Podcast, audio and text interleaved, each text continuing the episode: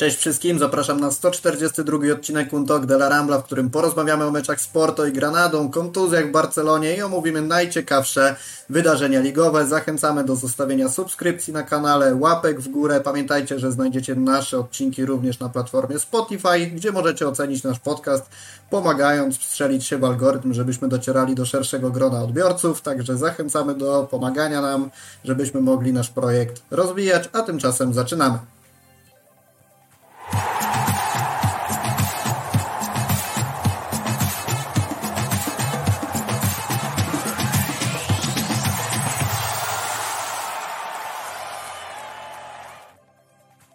Opalony, wypoczęty po dwudniowym Erasmusie w Porto Maciek Miko, siemanko. Dobry wieczór. Jak tam po powrocie? Boli bycie w pięknej, deszczowej, późno jesiennej Polsce, czy, czy no. nie? Czy jednak nie przewracało ci się w głowie po tym pobycie nie, w Porto? Nie, na, na, szczęście nie jest tak źle, odkąd wróciłem. E, weekend był średnio udany rzeczywiście, ale teraz jest chyba całkiem nieźle, jak na październik. E, dzisiaj w Warszawie cały dzień słońce, mm, e, ładna pogoda, więc, więc wydaje mi się, że nie ma co zazdrościć. Natomiast no, Miękkie no, lądowanie. Tak, natomiast rzeczywiście w Porto jest bardzo ciepło, bardzo przyjemnie. No idealne warunki, powiedział, dla mnie na tym etapie mojego życia. Też Porto bardzo miło wspominam. Co prawda byłem w trakcie wakacji jakiś czas temu, kilka lat temu. Nie na meczu, ale miasto rzeczywiście piękne. Zanim przejdziemy do samych meczów, to jak zwykle przypominam o tym, żeby odzywać się na czacie, zadawać pytania, komentować to, co mówimy, wytykać nam, jak mówimy bzdury i dzielcie się swoją opinią odnośnie do tego, o czym rozmawiamy. I myślę, że zaczniemy sobie właśnie od Porto, chociaż wiesz co, szczerze mówiąc, ten mecz z Porto, jak również z Granadą, trochę mi się zlały w jeden. E, nie były to najprzyjemniejsze dla oka spotkania i zaczyna mnie to trochę martwić, szczerze mówiąc, bo te 5-0 razy 2 może nie rozpieściły bardzo, ale jednak dały taki sygnał, że Barcelona umie grać w piłkę. A potem mieliśmy my z kolei twarde lądowanie, kiedy okazało się, że kiedy przychodzi trudniejszy, niewygodniejszy rywal, być może my też mamy gorszą formę, to, to już tak ładnie to nie wygląda, ale zaczynając od Porto, jak w ogóle sądzisz, jak powinniśmy oceniać ten mecz? Czy to jest takie 1-0, po którym cieszymy się z trzech punktów przybliżających do wyjścia z grupy, czy jednak takie 1-0, w którym widzimy dużo mankamentów?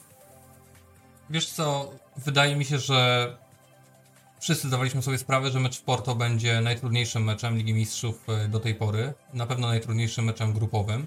Mm, e, wiedzieliśmy też, że wygranie tego meczu, niezależnie w jaki sposób, e, da nam tak naprawdę, jeżeli nic już nie damy rady totalnie spieprzyć, to pierwsze miejsce w grupie, tak mi się wydaje, że to był taki mecz kluczowy dla, e, dla tej sytuacji, a ona była najważniejsza dla nas na pewno w tej grupie, no bo wiadomo, żebyśmy e, nie myśleliśmy nawet, żeby z niej nie awansować, ale rzeczywiście awansowanie z pierwszego miejsca to był taki chyba podstawowy e, cel tej grupy. I wydaje mi się, że, że jesteśmy bardzo blisko osiągnięcia tego celu właśnie tym meczem. E, nie zapominajmy, że Porto to nie jest drużyna, gdzieś tam, która wyskoczyła z kapelusza. To jest naprawdę poważny rywal. E, to jest rywal, który nie daje wygrywać drużyną e, lepszym od nas, e, lepszym od nas w poprzednich latach. Czy to City, czy to Interowi. Więc nie wolno spoglądać tylko i wyłącznie na wynik, czy na grę tego meczu i mówić za mało, źle, mogło być lepiej. Wiadomo, zawsze może być lepiej. Natomiast akurat ten mecz był naprawdę trudny. Mm, no ja oglądałem go na żywo, mm, więc pewnie mam trochę mniejsze spojrzenie tak naprawdę niż wy na wiele, na wiele rzeczy. Natomiast e, z, z punktu widzenia trybun widać było, jak silną drużyną jest Porto, jak intensywnie grają, jak szybko doskakują, jak utrudniają tą grę, jednocześnie nie unikając gry. E, I to rzeczywiście było dla nas sporym problemem, bo do tej pory problemem jest to, że drużyny unikały tej gry, tak naprawdę, z reguły mając już jakiś korzystny rezultat, przynajmniej nawet na starcie, bo remis już jest z reguły korzystny dla rywali Barcelony. E, I dlatego uważam, że tego wyniku w Porto nie wolno tak samo oceniać jak wyniku czy, czy gry z Granadą. E, Porto postawiło bardzo trudne warunki. Widać, że te warunki nam nie pasowały. My mamy cały czas problemy z, właśnie z dużą intensywnością rywali, a oni byli naprawdę blisko nas, grali ostro na przykład faul na Robercie Lewandowskim z punktu widzenia trybun wyglądał e, bardzo delikatnie, jak popchnięcie. E, natomiast kiedy zobaczyłem powtórkę, to, to rzeczywiście było to bardzo ostre wejście, które tak naprawdę mogło skończyć się żółtą kartką, nawet powinno się skończyć żółtą kartką. E, no dlatego nie wszystkie sytuacje wojskowe jestem tak w stanie dobrze ocenić właśnie z, z punktu widzenia trybun, natomiast rzeczywiście było widać, że naprawdę to jest bardzo ciężki mecz, to jest trudny teren. E, na stadionie było dosyć gorąco. Nie powiedziałbym, że yy, aż tak się spodziewałem. No natomiast rzeczywiście e, Porto było do tego meczu dobrze przygotowane. Porto ten mecz chciało zdecydowanie chciało go wygrać, albo przynajmniej uzyskać korzystny rezultat i walczyło o to do końca. No, wydaje mi się, że to, to zwycięstwo naprawdę trzeba doceniać, bo to nie był łatwy mecz. Zaskoczyłeś mnie. Myślałem, że będziesz dużo bardziej surowy dla Szabiego. Okazuje się, że nie, widzisz nie w tym dużo wypadku. pozytywów. To znaczy, no, może pozytywy to jest może złe słowo, ale też nie widzę powodu, żeby rzucać negatywami wszędzie na lewo i prawo. No tak, że chodziło o docenienie tego wyniku, to, to prawda. Wiesz co, jakiś czas temu rozmawialiśmy sobie o rzeczy, którą, przy, przy której wspólnie przybiliśmy sobie piątkę odnośnie do takich aspektów taktycznych i to było coś, co mi się rzuciło w oczy podczas meczu Porto z kolei, bo tego nie było. I rozmawialiśmy o tym, jak to był jeden z tych meczów wygranych 5 do 0. Jak drużyna Szawiego dobrze zaczęła sobie radzić, jeżeli chodzi o przyspieszenie gry w środkowym korytarzu. Ta gra na jeden kontakt i niekoniecznie rozgrywanie na siłę do skrzydeł, do linii bocznej, tylko właśnie pchanie tego środkow- pchanie gry środkowym korytarzem i omijanie rywali podaniami na jeden kontakt i tak dalej, i tak dalej. Natomiast w kolejnych już meczach, a zwłaszcza w meczu Sporto, tego nie było i nie uważa, że to jest taka rzecz, która dosyć mocno odbija się w starciach ty, z tymi rywalami, którzy najbardziej utrudniają nam grę, że jednak cofamy się trochę do tego schematu taktycznego, gdzie pchamy grę do boku, a, a środkowy korytarz zaczyna kuleć? Nie ma wielkiej tajemnicy w tym, że Barcelona, żeby być skuteczna, yy, potrzebuje przestrzeni. My tych przestrzeni na ten moment nie potrafimy sobie tworzyć aż tak dużo, jakbyśmy tego potrzebowali, czy jak tego sobie życzymy. Yy, jest tym cały czas spory kłopot, zwłaszcza wtedy, kiedy wychodzimy na boisko z Oriolem. Yy, natomiast no, ja nie potrafię w tym momencie za bardzo narzekać na to, że my próbujemy środkiem, nawet kiedy to nie idzie, bo sam tego oczekiwałem. Yy, cały czas mam problem na skrzydle. No niestety dyspozycja na przykład Alejandro Balde troszeczkę nam tą, tą, to skrzydlanie nam utrudnia. Bo ani po prawej stronie tak naprawdę, no jest oczywiście Lamin, no ale wiemy, że Lamin też schodzi głównie do, do środka, ewentualnie, że idzie do linii, to robi to blisko pola karnego, więc nie ma tej szerokości. Mm, więc jeżeli my w ogóle tego nie wykorzystujemy, nie gramy tą szerokością, chociażby z prawej strony, bo wiem, że Balde, Balde próbuje, e, ale z prawej strony często nikt nie próbuje, no to siłą rzeczy, jeżeli my nawet rozszerzymy grę do, do, do skrzydła, to rywal nie widzi w tym specjalnego zagrożenia, no bo jeżeli czegoś nie robisz, mm, e, jeżeli czegoś nie wykorzystujesz, no to rywal zakłada, że nadal tego nie będziesz robił, więc zagęszcza ten środek. E, I tak było też w Porto. Mm, nie bardzo dawali nam e, opcje w ogóle gry środkiem. Ze skrzydeł nie potrafiliśmy zagrozić. No, to nie jest dla nas jakąś specjalną nowiną. No a kiedy wypada ci na przykład Robert, no tak naprawdę no, w początkowych fragmentach tego meczu, no to już tracisz tą dziewiątkę jeszcze, czyli to dośrodkowanie w ogóle, które miało być kierowane, traci trochę cel.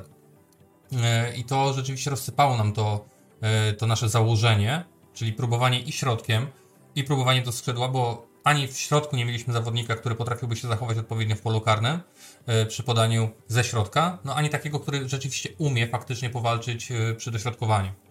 E, więc, e, więc to rzeczywiście są nasze bolączki, ale one też niejako wynikają już rzeczywiście z urazów i z braku tych najlepszych opcji do gry, którą, którą byśmy chcieli prowadzić. Urazach za chwilę, co do lewego. Jestem ciekawy, jak potoczyłby się ten mecz, gdyby nie było tej kontuzji, bo do momentu, kiedy musiał zejść z boiska, czyli w 33 minucie, miał 5 kontaktów z piłką, żadne nie było w polu karnym i zanotował jedno podanie. Także z jednej strony Tylko wiesz, to jest to... też trochę tak, no tak, tylko rozmawialiśmy o tym wcześniej. Mm, jeżeli nie chcemy Roberta yy, głęboko schodzącego po piłkę, a nie chcemy, tak, tak, tak, chyba mamy to ustalone, no to musimy przyjąć yy, fakt, że on tych kontaktów będzie miał po prostu niewiele, ale kiedy już je będzie miał, no to powinien być na tyle yy, konkretne, że potrafi zagrozić bramce. No i z lewym wydaje mi się, że w ostatnich miesiącach, czy może nie miesiącach, ale tygodniach, to działa.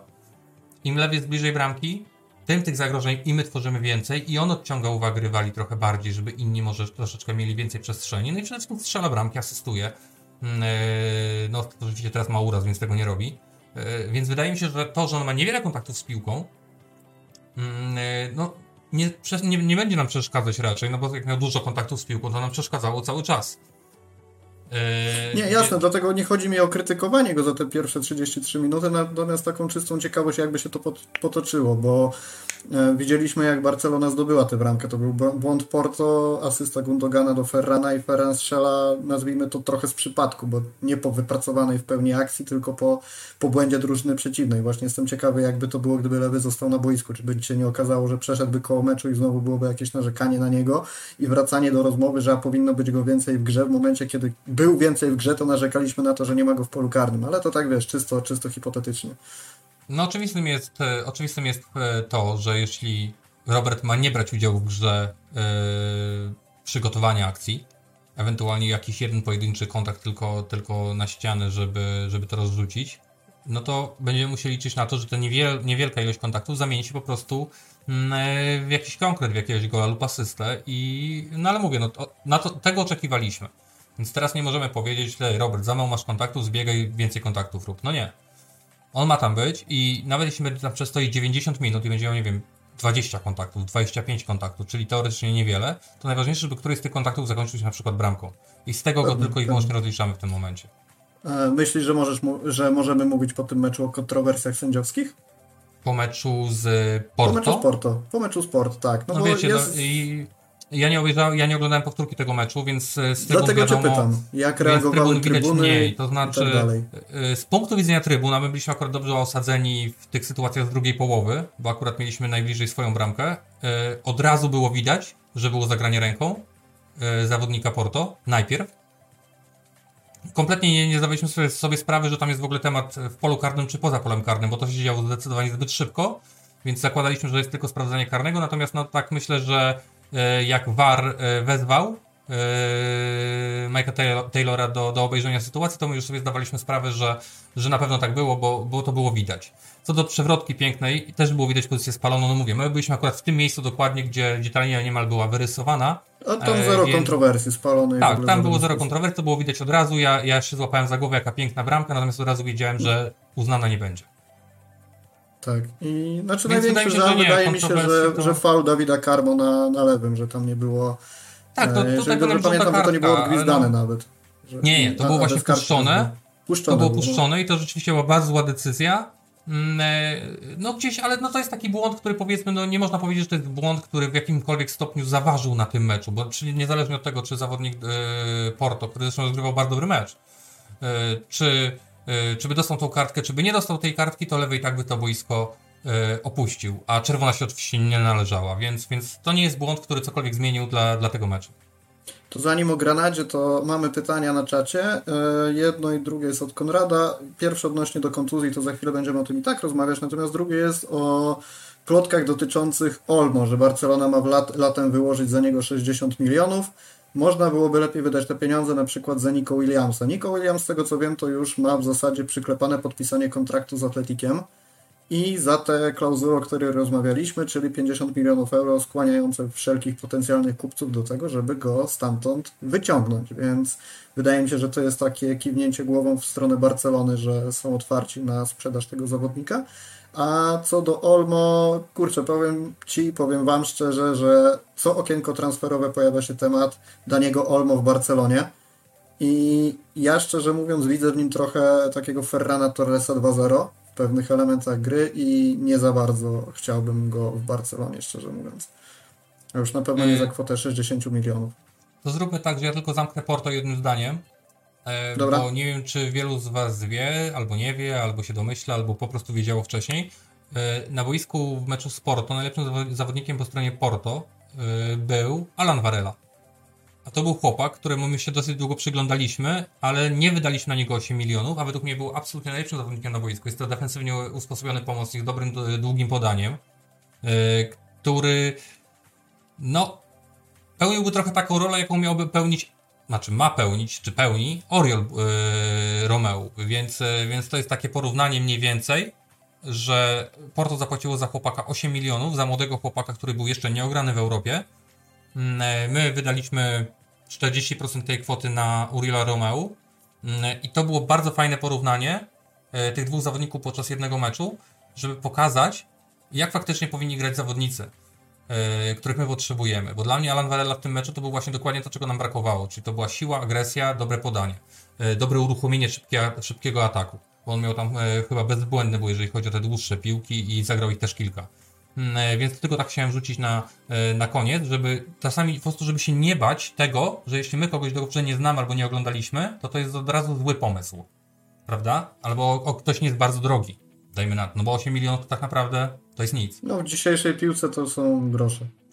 Tak, ale to już, to już Porto możemy sobie na razie zamknąć. Jeżeli chodzi o Daniego Olmo, to ja mam dokładnie to samo, co ty powiedziałeś. To znaczy, to nie jest zły zawodnik. Ja na przykład szanuję sobie zawodników, którzy mają naprawdę bogate umiejętności i mają, są bardzo uniwersalni. Mm, natomiast rzeczywiście dla mnie skojarzenie jest bardzo podobne, czyli, czyli Ferran Torres. I oczywiście ja nie uważam, że Ferran Torres nie jest wart 50 milionów, bo doskonale wiemy, że drużyna z Anglii e, po naprawdę dobrych występach, takich jak miał na początku kariery w Barcelonie, spokojnie by ją wyłożyła. E, tak samo nie uważam, że nie warty tej kwoty jest e, Daniel Olmo, 60 milionów, bo wiem, że ktoś może rzeczywiście za niego tyle zapłacić, bo w Anglii płaci się za dużo większych leszczy, dużo większe pieniądze. Ale mając 60 milionów do wydania w Barcelonie, nie rzucasz tego na Daniego Olmo, może w test. Dokładnie, tak, dokładnie. Przede wszystkim dla mnie w sytuacji y, kryzysu finansowego jakiegokolwiek klubu, czy jakiejkolwiek, nie wiem, spółki, firmy, cokolwiek, y, to jeżeli już decydujesz się zainwestować duże pieniądze, to musisz być od razu przygotowany, y, jak tą inwestycję widzisz. I jeżeli ktoś w tym momencie przychodzi i rzuca hasło Dani Olmo, to ja nie mam zielonego pojęcia, co on miałby robić w Barcelonie. Nie wiem, na jakiej pozycji miałby zagrać, nie wiem, jaką rolę miałby pełnić, nie mam zielonego pojęcia, po co nam on w tym momencie e, za taką kasę, bo jeżeli mówimy o małej kasie, o zero kasie, tak jak teraz przeprowadzamy dużą ilość transferów, e, no to oczywiście można powiedzieć, no przyda się, jak ten Oriol, przyda się, no tu pobiega, tam pobiega, przyda się, no potrzebujemy ludzi, pewnie. Natomiast 60 milionów dla nas to jest naprawdę duża inwestycja. To jest inwestycja, o której się mówi w naszym przypadku jako gigantyczny transfer, wręcz bym powiedział. Mm, jeżeli my mamy przeprowadzić znowu taki transfer zawodnika, który nie do końca pasuje, no znowu, co my właściwie chcemy do końca grać? Nie wiadomo tak do końca. Czy on miałby pełnić rolę właśnie tego czwartego pomocnika, e, którego, którą teraz pełni João Felix? No bo dla mnie na to on jest e, za mało kreatywny na przykład. On ma dobre uderzenie z dystansu, to trzeba on przyznać. E, on umie, radzi sobie z piłką przy nodze, jest dobry technicznie. Mm, no ale znowu, wydajemy dla siebie, jak na nas, jak na Barcelonę, bardzo duże pieniądze, czy chcielibyśmy je wydać, no to ja bym chciał od razu wiedzieć po co. Jeżeli mam 60 milionów i mógłbym je przeznaczyć na Daniego Olmo, to ja wolę je przeznaczyć na Nico Williamsa, wolę je przeznaczyć na Martina Zubimendiego. Nawet bym skusił się na tego Artura Vermina, który mi wcale nie pasuje do końca do naszych potrzeb obecnie, ale nawet bym się na niego był gotów skusić, bo widzę zastosowanie jego umiejętności, jego profilu w drużynie. Mm, dla mnie Daniel Olmo w tym momencie byłby takim po prostu poszerzaczem kadry, e, który pełniłby dokładnie te same role, którą pełnią ci wszyscy zawodnicy pierwszej linii, których my nie jesteśmy tak naprawdę pewni, czyli rotacyjną. My musimy planować jeżeli mamy tyle pieniędzy, to trzeba wydać te pieniądze z głową jeżeli nie mamy pomysłu z głową, jak wydać 60 milionów, no to trzeba ją podzielić na trzy kwoty po 20 milionów i kupić utalentowanych chłopaków na pozycje, które nam brakuje. Albo po 10 milionów. Zobaczcie, Alan Varela na przykład jest 8 milionów. No to ja wiem, że wiem, że łatwo się wydaje nie swoją kasę, natomiast ja bym sobie życzył, żeby, żeby takie duże pieniądze w Barcelonie, jeśli się pojawią, były wydawane po prostu z głową. Przygotowaną, yy, na przygotowaną pozycję pod konkretnego zawodnika, bo ja nie widzę możliwości przez Barcelonę wydania 60 milionów na zawodnika do rotacji. To musi być zawodnik podstawowego zespołu, albo przynajmniej z perspektywą na podstawowy zespół. Wolmo tego nie widzę. I myślę, że to zamyka temat, nie ma co się więcej rozwodzić, więc przejdźmy sobie do Granady. I tak słowem wstępu powiem Ci, przed meczem z Granadą patrzyłem sobie trochę jak to wygląda historycznie i oczywiście tam na przestrzeni kilkudziesięciu lat Barcelona na nieco ponad 50 meczów, 40 bodajże 2 albo 4 wygrała, więc taki pozytywny akcencik. Ale potem patrzę sobie te ostatnie trzy mecze, styczeń 2022, remis 1 do 1, wrzesień 2021, remis 1 do 1 i to no, te dwa mecze były takie... Ja Ci jedną rzecz przerwę, no. bo mi się przypomniało, bo mi się przypomniało. Tylko jedną rzecz, tylko wrzutkę zrobię. Dawaj. W meczu 1-1, o którym wspomniałeś, z Granadą, No. nie została zaliczona bramka, e, gdzie asystował bodajże Gavi, zagrywał piłkę w środek i to Gavi miał być na spalonym przed podaniem i tam był właśnie taki minimalny spalony, który na grafice wyglądał jakby był wyrysowany od miejsca, które nie jest e, nielegalne, dajmy na to. Czyli nie od ręki, tylko od ramienia. Ja pamiętam to. I wtedy ta bramka była na 1-0 i ona nie została zaliczona. I się tego tak teraz skojarzyło właśnie a propos tego, tego, co będziemy mówili później, o- jeżeli chodzi o spalony właśnie w tym meczu, o którym mówimy, faktycznie. W kwestii Gaviego to pamiętam, że wyleciał z czerwoną kartką w tym ostatnim spotkaniu, tak. E, jeżeli chodzi o to, jak, jak on się prezentował. I kwiecień 2021 kończąc tę wyliczankę, przegrana 1 do 2, gol To Messiego ten, i to ten chyba Mingezy popisy pamiętam chyba, tak? wiele Co tam piłkę się obciął, obciął, obciął się tak ładnie na, na 1-1, pamiętam wtedy. Gdzieś zupełnie przepuścił piłkę tak w stronę bramki. Wiesz co, mecz, to nie nie wiem, czy nie mylisz meczu e, i, i zawodnika, ale taka sama sytuacja była w tym wrześniowym 1 do 1, znaczy w tym wrześniowym 1 do 1, gdzie Franki się obciął w polu karnym. No to ja myślę na pewno... Strzelił. A, to, to tak, to ty mówisz o czymś... Ja mówię o czymś innym, ty mówisz o czymś innym, Dobra. ale jak widać sytuacja powtarzalna. No, nie dość, że wyniki powtarzalne, to i wpadki w polu karnym powtarzalne. Plus patrzę na trenera Paco Lopez. Wiadomo, e, dobre wyniki z Levante przeciwko Barcelonie i powiem Ci, minami zrzedła. No i jest 18 sekunda meczu z Granadą, głupia strata Gawiego gdzieś tam przy okolicy środkowego koła i 0 do 1, potem 0 do 2. O co chodzi? Czemu drużyna pokroju Barcelony przeciwko drużynie pokroju Granady, która przed tą kolejką miała najwięcej straconych bramek razem z Almerią, gra takie coś? E, Zanim jeszcze do tego przejdziemy, to tylko wrzucę kolejną ciekawostkę, czy tam przypomnę nam o czymś. To właśnie Paco e, za czasów pracy w Levante zabrał Valverde sezon bez porażki. Tym słynnym meczem 5-4 w, Tak. na stadionie e, Levante w Walencji. E, I, i e, jeszcze ciekawostkę jedną wyciągnąłem e, a propos Paco Lopeza, bo ja szalenie lubię tego trenera, bo on jest trenerem, który gwarantuje widowiska po prostu. Niezależnie, nawet jeśli te drużyny są ustawione defensywnie, nawet jeśli niekoniecznie są tak ofensywnie usposobione, jak było Levante w tamtym czasie, to nadal potrafią i strzelać bramki, i się bronić, i cały czas grać w tą piłkę. No tutaj było różnie, ale, ale e, chciałem wam powiedzieć, że od sezonu 17-18, czyli od 6 lat, od 6 sezonów, e, Paco Lopez zdobył drugi najlepszy wynik, jeśli chodzi o punkty przeciwko Barcelonie i Realowi. Bo zdobył O ich aż Ciekawe. 8, 22 punkty zdobył z Realem i Barceloną przez 6 sezonów. I to jest drugi najlepszy pod tym względem trener. To jest pierwszy, kto strzela? Nie, przepraszam, 18. Pierwszy trener zdobył 22. I teraz kto strzela, kto, był naj, to najczęściej, że tak powiem, zabiera punkty Barcelonie. Hiszpanii. Przeciwko Barcelonie i Realowi. Przeciwko i Realowi, tak. O cholera. Dosyć proste pytanie mi się wydaje, no i tak zadam. To dajmy, dajmy 10 sekund na to, że może ktoś na czacie napisze, ja też myślę, ale szczerze Czyli mówiąc tak kto pierwszy... najlepiej punktuje z Realem Barceloną w ostatnich 6 latach? Jaki trener? Podpowiem, że trener jest trenerem tylko jednej tej samej drużyny w tym czasie. Ja mam nadzieję, że nie okaże się jakiś bordales albo coś takiego. Nie, na szczęście nie. To chodzi oczywiście o, o oczywiście chodzi o Diego Simeone. Okej. Czyli Atletico zabiera najczęściej punkty, no co jest dosyć, dosyć logiczne mi się wydawało. E, natomiast rzeczywiście Paco potrafił, potrafił Nie wiesz co, bo perspektywa tego Levante rzuciła mi takie coś, że muszę myśleć zupełnie o takich drużynach, które bym się nie spodziewał i stąd trochę A to tamto mi to i też regularnie pokonywał Atletico Madryt na przykład, taką bramką Jorge de Frutosa pamiętam z połowy boiska, gdzie Oblak gdzieś się zapędził i został przelobowany z połowy boiska. E, No to były piękne czasy Levante na pewno. Na pewno A masz gdzieś na tej drużyna, rozpisce. Alguacila? Bo mamy na czacie odpowiedź od Aimteka, że, że e, obstawiał E, tego trenera. Obawiam się, że w ogóle go na niej nie ma. Bo co jak co, ale akurat Real Sociedad i e, Barcelona i Real to z reguły są zwycięstwa no, mocniejszych kolegów. Tak, dopóki ja nie rzadko się przylecę na, do Barcelony na Camp Nou i dostają 1 do 2 w łeb. No więc widzisz. E, natomiast rzadko się zdarza, żeby Real Sociedad e, pokonywał Barcelonę, tak samo rzadko się zdarza, że pokonywał Real. Mimo wszystko. Ale ten Simone był tak oczywisty, że teraz już mi wstyd, że to nie padłem. E, No dobra, ale w każdym razie, uciekając od Do tych meczu. e, ciekawostek, wracając do meczu, co się wydarzyło z Barceloną? Dlaczego tak wyszło?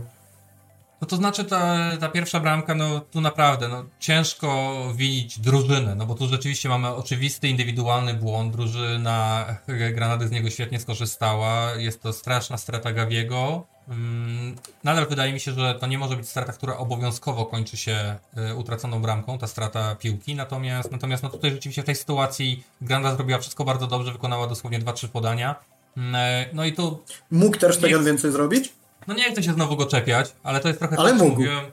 E, no mówiłem o tym dwa tygodnie temu, jak się, jak się widzieliśmy i, i cały czas mam takie wrażenie, że, że nie zrobił dużo. No ta piłka mu skoczyła, co prawda, przed interwencją delikatnie, natomiast no jeżeli my oczekujemy od zawodników ofensywnych, czy pomocników, e, czy obrońców dużo, bo z reguły jest tak, że oczekujemy dużo. Oczekujemy bramek, oczekujemy pięknych podań, akcji, e, świetnych interwencji w defensywie i tak dalej, no to wydaje mi się, że jeżeli mamy zawodnika, który w zeszłym roku był jednym tchem wymieniany jako najlepszy piłkarz w ogóle La Liga.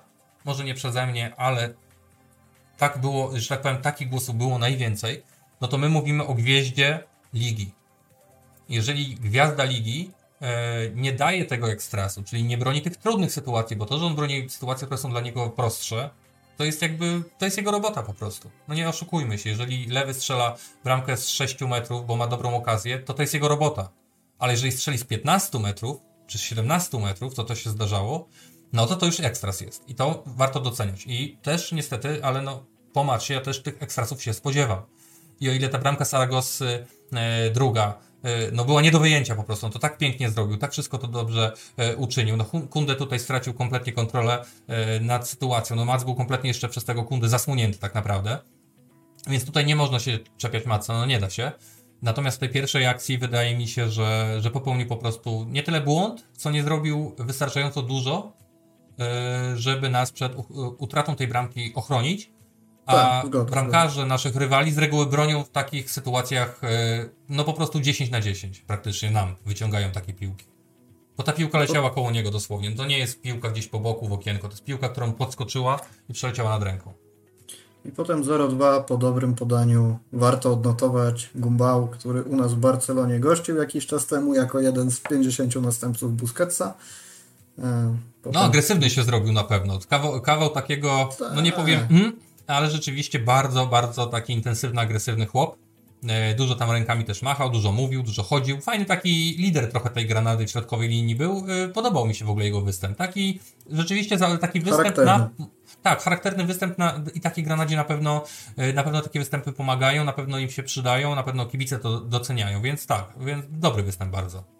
Nie kojarzę teraz, czy on z Barceloną akurat dostał żółtą kartkę, ale przed meczem z Barsą miał na koncie 5 żółtych, 4 żółte, więc e, jako jeden też był zagrożony absencją, ale teraz patrzę na szybko, że on akurat kartki nie dostał, więc może... Nie kojarzę, on powinien dostać. On na pewno powinien dostać w pierwszej połowie ale nie dostał. On miał takie dosyć brzydkie wejście w Lamina, ono poszło czyste, ale, ale tam było widać na powtórce, że, że jedna noga broniła, a druga noga robiła krzywdę. Ale powiem wam, że Lamin Jamal na razie to e, chyba muszą mu nogę odrąbać, żeby się poskarżył sędziemu.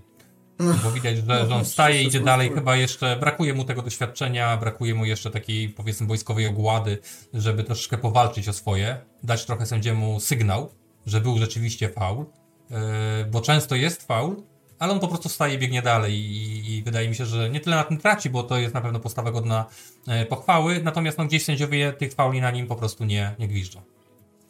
E, to jeszcze nie moment, żeby mówić o Brianie, o tym za chwilę, ale no dajmy pierwszeństwo mimo wszystko Lamine Jamalowi, najmłodszy strzelec w historii La Ligi, coś co na pewno trzeba odnotować, 16 lat, 2 miesiące, 25 dni.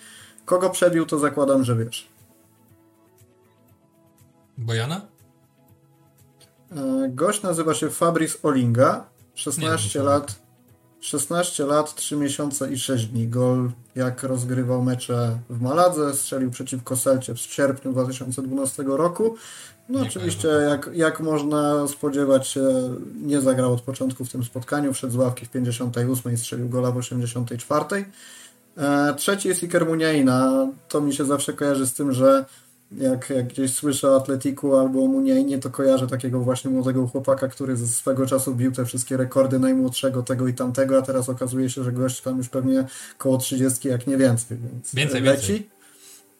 leci. E, a kto jest najstarszy, wiesz? Najstarszym strzelcem bramki? Tak, teraz ja otworzę kącik ciekawostek.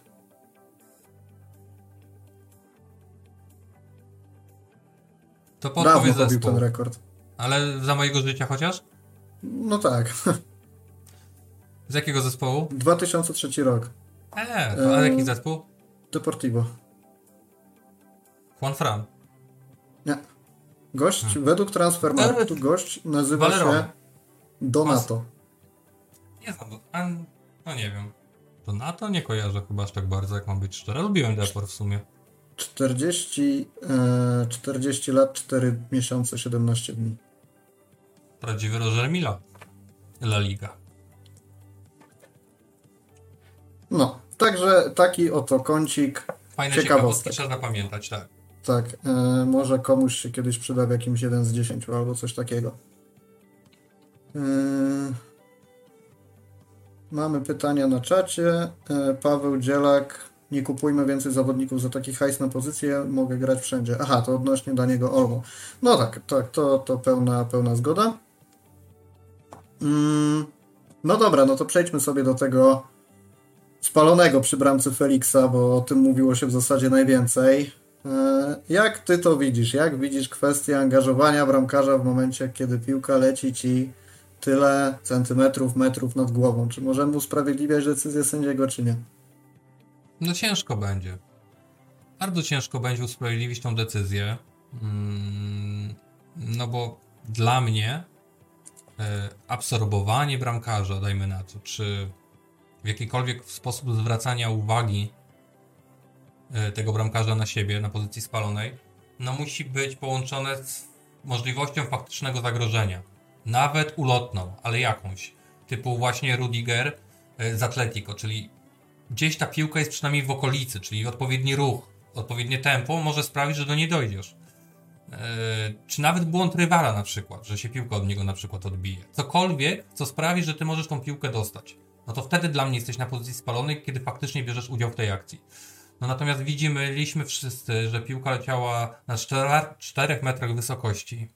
No nawet jakbyśmy mieli Jana Kolera, który by się rozbiegł od własnej bramki, to on by do tej piłki nie doskoczył.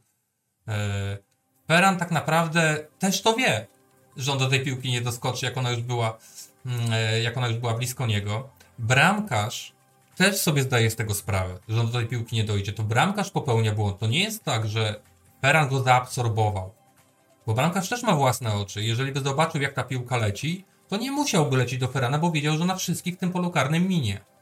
jeżeli ktoś mi chce porównać na przykład tą sytuację do sytuacji Rudigera, to zwróćcie uwagę, Zwróćcie uwagę, jak spada piłka w tamtym meczu Atletico z Realem, a jak spada tutaj. Tutaj Felix musi jakoś fiksować głową, bo mają już gdzieś tutaj. Natomiast tam Kamavinga uderza piłkę mając ją na ziemi. To znaczy, że ona leciała nisko. Tu mamy balona. Czyli jeżeli wychodzimy z założenia, że spalony jest y, dlatego, że Ferran y, Torres brał udział w akcji, no to ja bym chciał, żeby mi wytłumaczył teraz sędzia Cezar Sotogrado, w jakiej akcji on brał udział. Bo... Ja ci mogę prze przeczytać punkty, jakie są wypisane w przepisach gry w piłkę nożną, które no, proszę. stwierdza, które przeanalizujemy sobie w takim razie punkt po punkcie. Spalony jest w momencie, kiedy y, występuje utrudnianie przeciwnikowi zagrania lub możliwości zagrania piłki przez wyraźne zasłonięcie mu pola widzenia.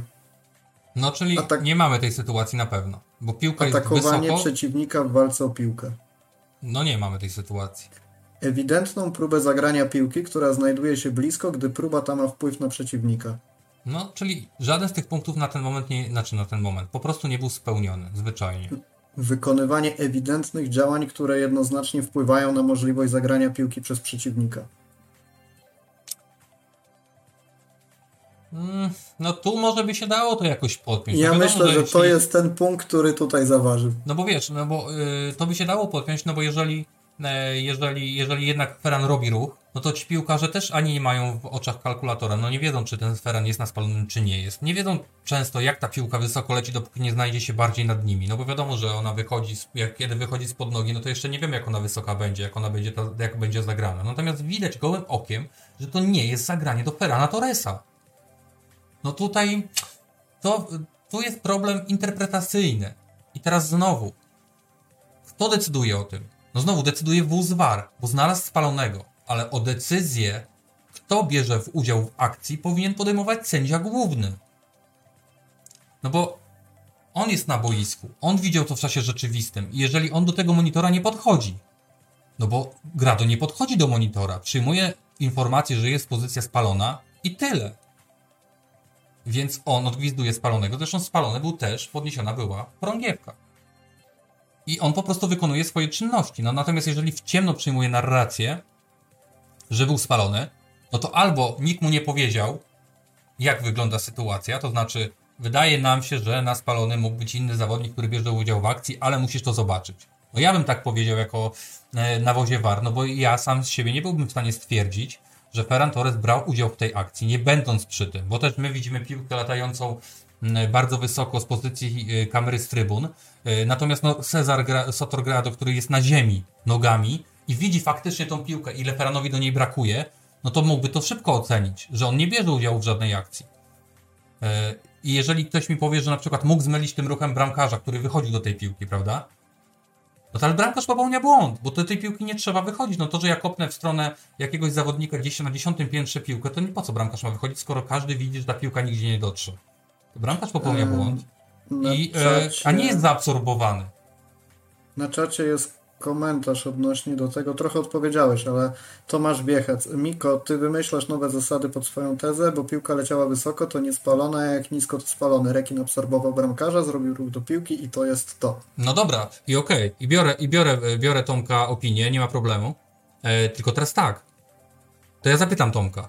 Jeżeli ktoś do ciebie mierzy z pistoletu, ale zapomina celować w swoją głowę, tylko celuje w, na przykład w głowę, która jest 10 metrów dalej i w lewą stronę, to czy ty czujesz zagrożenie, czy tamten ktoś, kto jest 10 metrów dalej? No to o to chodzi. Jeżeli bramkarz uznaje, że jest zaabsorbowany, to bramkarz źle ocenił lot piłki. No bo każdy widział, no nie wiem, oglądaliśmy ten mecz, mogliście oglądać powtórki. Pewnie ktoś tam był na żywo na tym meczu. No to jaką szansę Ferran Torres miał na dojście do tej piłki? W jakiejkolwiek sytuacji swojego życia. Nawet jakby nie było spalonego, albo jakby nabiegał, albo jakby wyskoczył z trampoliny, nawet by nie dał rady. Więc nie mówcie mi, że ktoś absorbuje bramkarza, bo bramkarz, który ma ocenić lot tej piłki i widzi ją przecież z pozycji, mówię, stoi na ziemi. My widzimy z góry ją. Wiadomo, że możemy to gorzej oceniać. On stoi na ziemi, widzi, gdzie ona jest. Jeżeli on zdaje sobie sprawę, że ani Ferran Torres nie zostanie doskoczyć do niej głową, ani on rękami, no to przecież co on robi? On zaczyna się wracać, bo on wie, że popełnił błąd. To nie chodzi o to, że przelatuje przez Ferrana Torresa.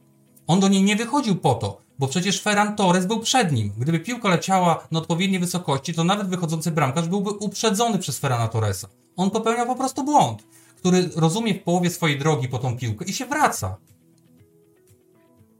My możemy sobie oczywiście przytaczać e, artykuły pisane sobie tutaj w, e, w zasadach gry w piłkę nożną. Natomiast no, mamy tutaj sytuację, która podlega ocenie, interpretacji sytuacji. No nie udawajmy, że, że jeżeli strzelasz na przykład nad bramką 20 metrów, to byłeś blisko, tak jak tutaj. Nie było blisko, żeby Ferran oddał strzał. To bramkarz się pomylił, to sędzia się pomylił, yy, bo nie zwrócił na to uwagi. Ta sytuacja mi przypomina trochę rzut karny podyktowany dla Argentyny w meczu z Polską na Mundialu. I tam nie pamiętam, który z Argentyńczyków był faulowany, natomiast wiemy, że potem był podyktowana, była podyktowana jedenastka, karnego strzału Messi szczęsną bronił. Natomiast ten sam karny, sam faul był tak bardzo absurdalny, że jak patrzysz na to gołym okiem, to osób, które podyktują karne, a nie podyktują karnego jest pewnie tam 1 do 99. I ale to jest ten sam rodzaj bierzesz, błędu, zobacz. Tak, ale o to chodzi, błędu. że bierzesz, bierzesz przepisy i szukasz sobie konkretnych punktów w przepisach, znajdujesz 1 na 5, które potwierdzają ci tezę, że być może wypadałoby podyktować rzut karny. I to robisz. I, i pod to podciągasz narrację, a potem wyłączasz PDF-a z zasadami, widzisz akcję i mówisz, no nie, no niemożliwe, żeby w tej sytuacji podyktować Więc właśnie o to chodzi. I tutaj nam tego brakuje, jeżeli chodzi o interpretację tych przepisów, bo ciągle się o tym słyszy, zwłaszcza w Hiszpanii, że sędzia zinterpretował sytuację tak. Ale tu mamy sytuację, w której nie ma żadnej interpretacji. No bo jeżeli byłaby jakakolwiek interpretacja któregokolwiek sędziów, czy to na wozie VAR, czy to sędziego głównego przy monitorze na wojsku, no to on by od razu się zorientował, że nie ma tu mowy o absorbowaniu bramkarza, bo ani, ani Ferran Torres nie jest blisko tego bramkarza, ani nie ma jakiejkolwiek szansy do tej piłki dojść. E, przecież gdyby on. Ja się założę o jedną rzecz, wam powiem tylko. Ferran Torres zrobił jedną głupotę i to jest, wydaje mi się, tutaj piec pogrzebany. On do tej piłki próbował skakać. Tak jest. Bo gdyby on ją zostawił i po prostu był na tym spalonym, ale tak by się ją tylko obejrzał, bo nie miał żadnej szansy, to już by w ogóle nie było podstawy, żeby, żeby uznać go na pozycji spalonej, bo on by już w ogóle nie brał udziału. On rzeczywiście wyskoczył, więc sędzia mógł założyć, no że jednak skoro skacze, no to musi czuć, że jest szansa.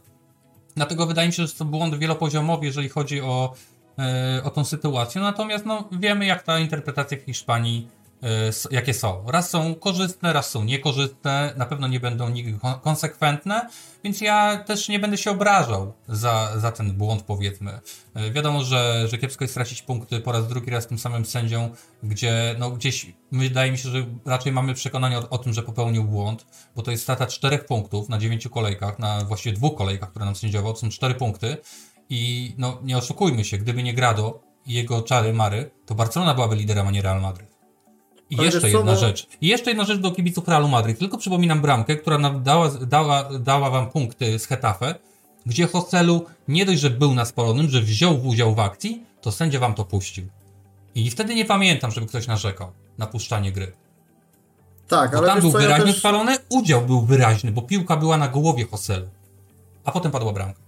Ale ja też, wiesz co, nie chciałbym wchodzić w narrację, żeby to nie wybrzmiało, że Barcelona jest poszkodowana przez sędziego, a Real jest faworyzowany. Nie chodzi o to, nie ja, chodzi o poszkodowanie. Ja tu, nie chodzi o ja tu widzę takie coś, że, że jest totalny brak konsekwencji w podejmowaniu tej decyzji. I teraz, teraz wyszło tak, że Barcelona jest poszkodowana, Real na tym powiedzmy jakoś tam skorzystał, ale finalnie oglądasz ileś tych kolejek i masz takie coś, że widzisz tę samą akcję kilka razy, no powiedzmy zbliżoną, i interpretacja tego powinna być jeden do jednego. Tu było tak, jest tak, tu było tak, jest tak, tu było jeszcze, tak, jest tak. A to masz nie trzy zupełnie inne, trzy zupełne interpretacje bardzo zbliźniających sytuacji. I jeszcze to jest nie wszystko. Zwróćcie uwagę, skąd jest wyrysowana linia spalonego od Ferana. Ona jest wyrysowana z ramienia, a nie z ręki. A jest wyrysowana z ręki, a nie z ramienia.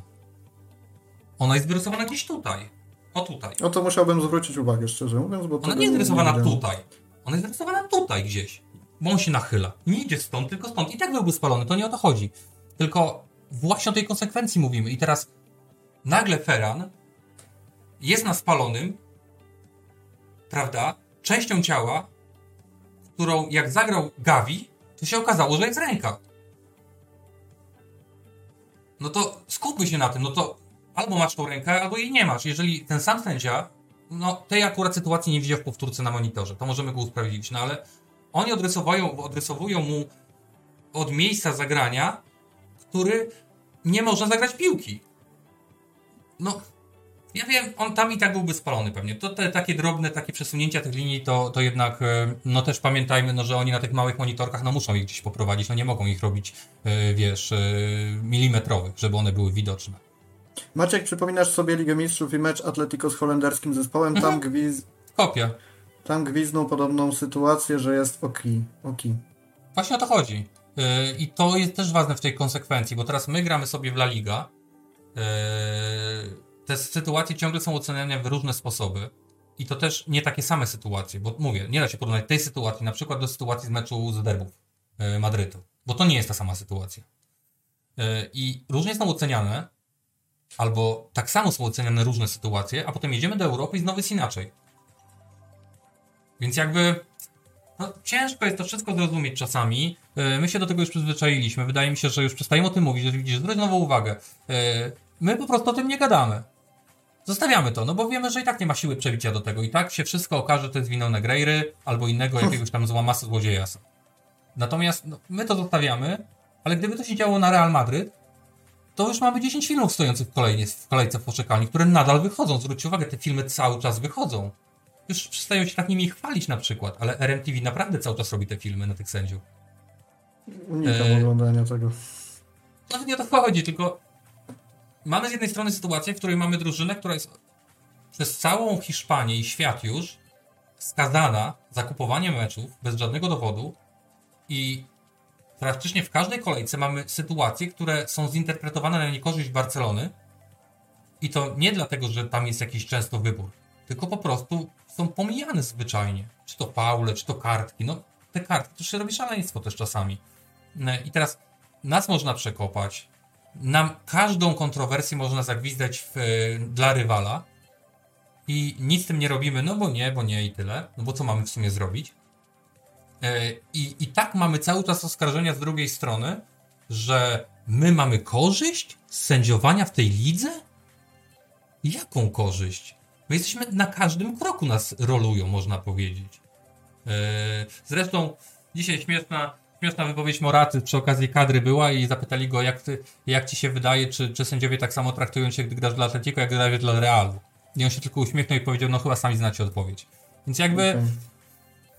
No nie wiem, no możemy sobie tutaj gadać o sędziach godzinami, ale lećmy dalej, bo, bo to do niczego. Lećmy dalej, bo Brian Zaragoza jest ciekawszym tematem. Przynajmniej na razie. E, chłopak, który przebojem wbił się do La Ligi. Zaczynał gdzieś tam w młodzieżówkach Valladolidu i Betisu, potem w młodzieżówkach Granady. Finalnie skończyło się tak, że w zeszłym, w zeszłym sezonie, w kwietniu dostał Zobaczę, czego miałem w notatkach. Dostał klauzulę 14 milionów, co już mówi samo za siebie, że e, o czymś to świadczy, że trzeba mieć go na uwadze. E, Mundo, Mundo wypuściło taki artykuł, w którym napisało, że jakby dostrzeżono ten jego wielki talent do driblingu, natomiast gdzieś trzeba było go szlifować pod względami taktycznymi, co jest dosyć oczywiste w młodym wieku. Natomiast finalnie krzywdę Barcelonie zrobił i wyglądał bardzo dobrze pod kątem i driblingu, i pod kątem taktyki. Także na pewno perełka. E, no on tam miał 11 jest. odbiorów, chyba, jak się nie mylę. I o, to proszę. chyba z 8, 8 albo 7 na połowie rywala. Czy na połowie no Barcelony. To rzeczywiście bardzo ładnie. Nie, no, e, no, chłopak naprawdę zagrał super mecz. E, to jest drugi najlepszy dribble top 5 w tym momencie za plecami Leroya Sané. E, jest to niesamowity dynamit. Ja mam wrażenie, że my żeśmy już o nim mówili, albo może to już mi się mieszają te rozmowy czasami, e, ale rzeczywiście w sezon wszedł przebojowo.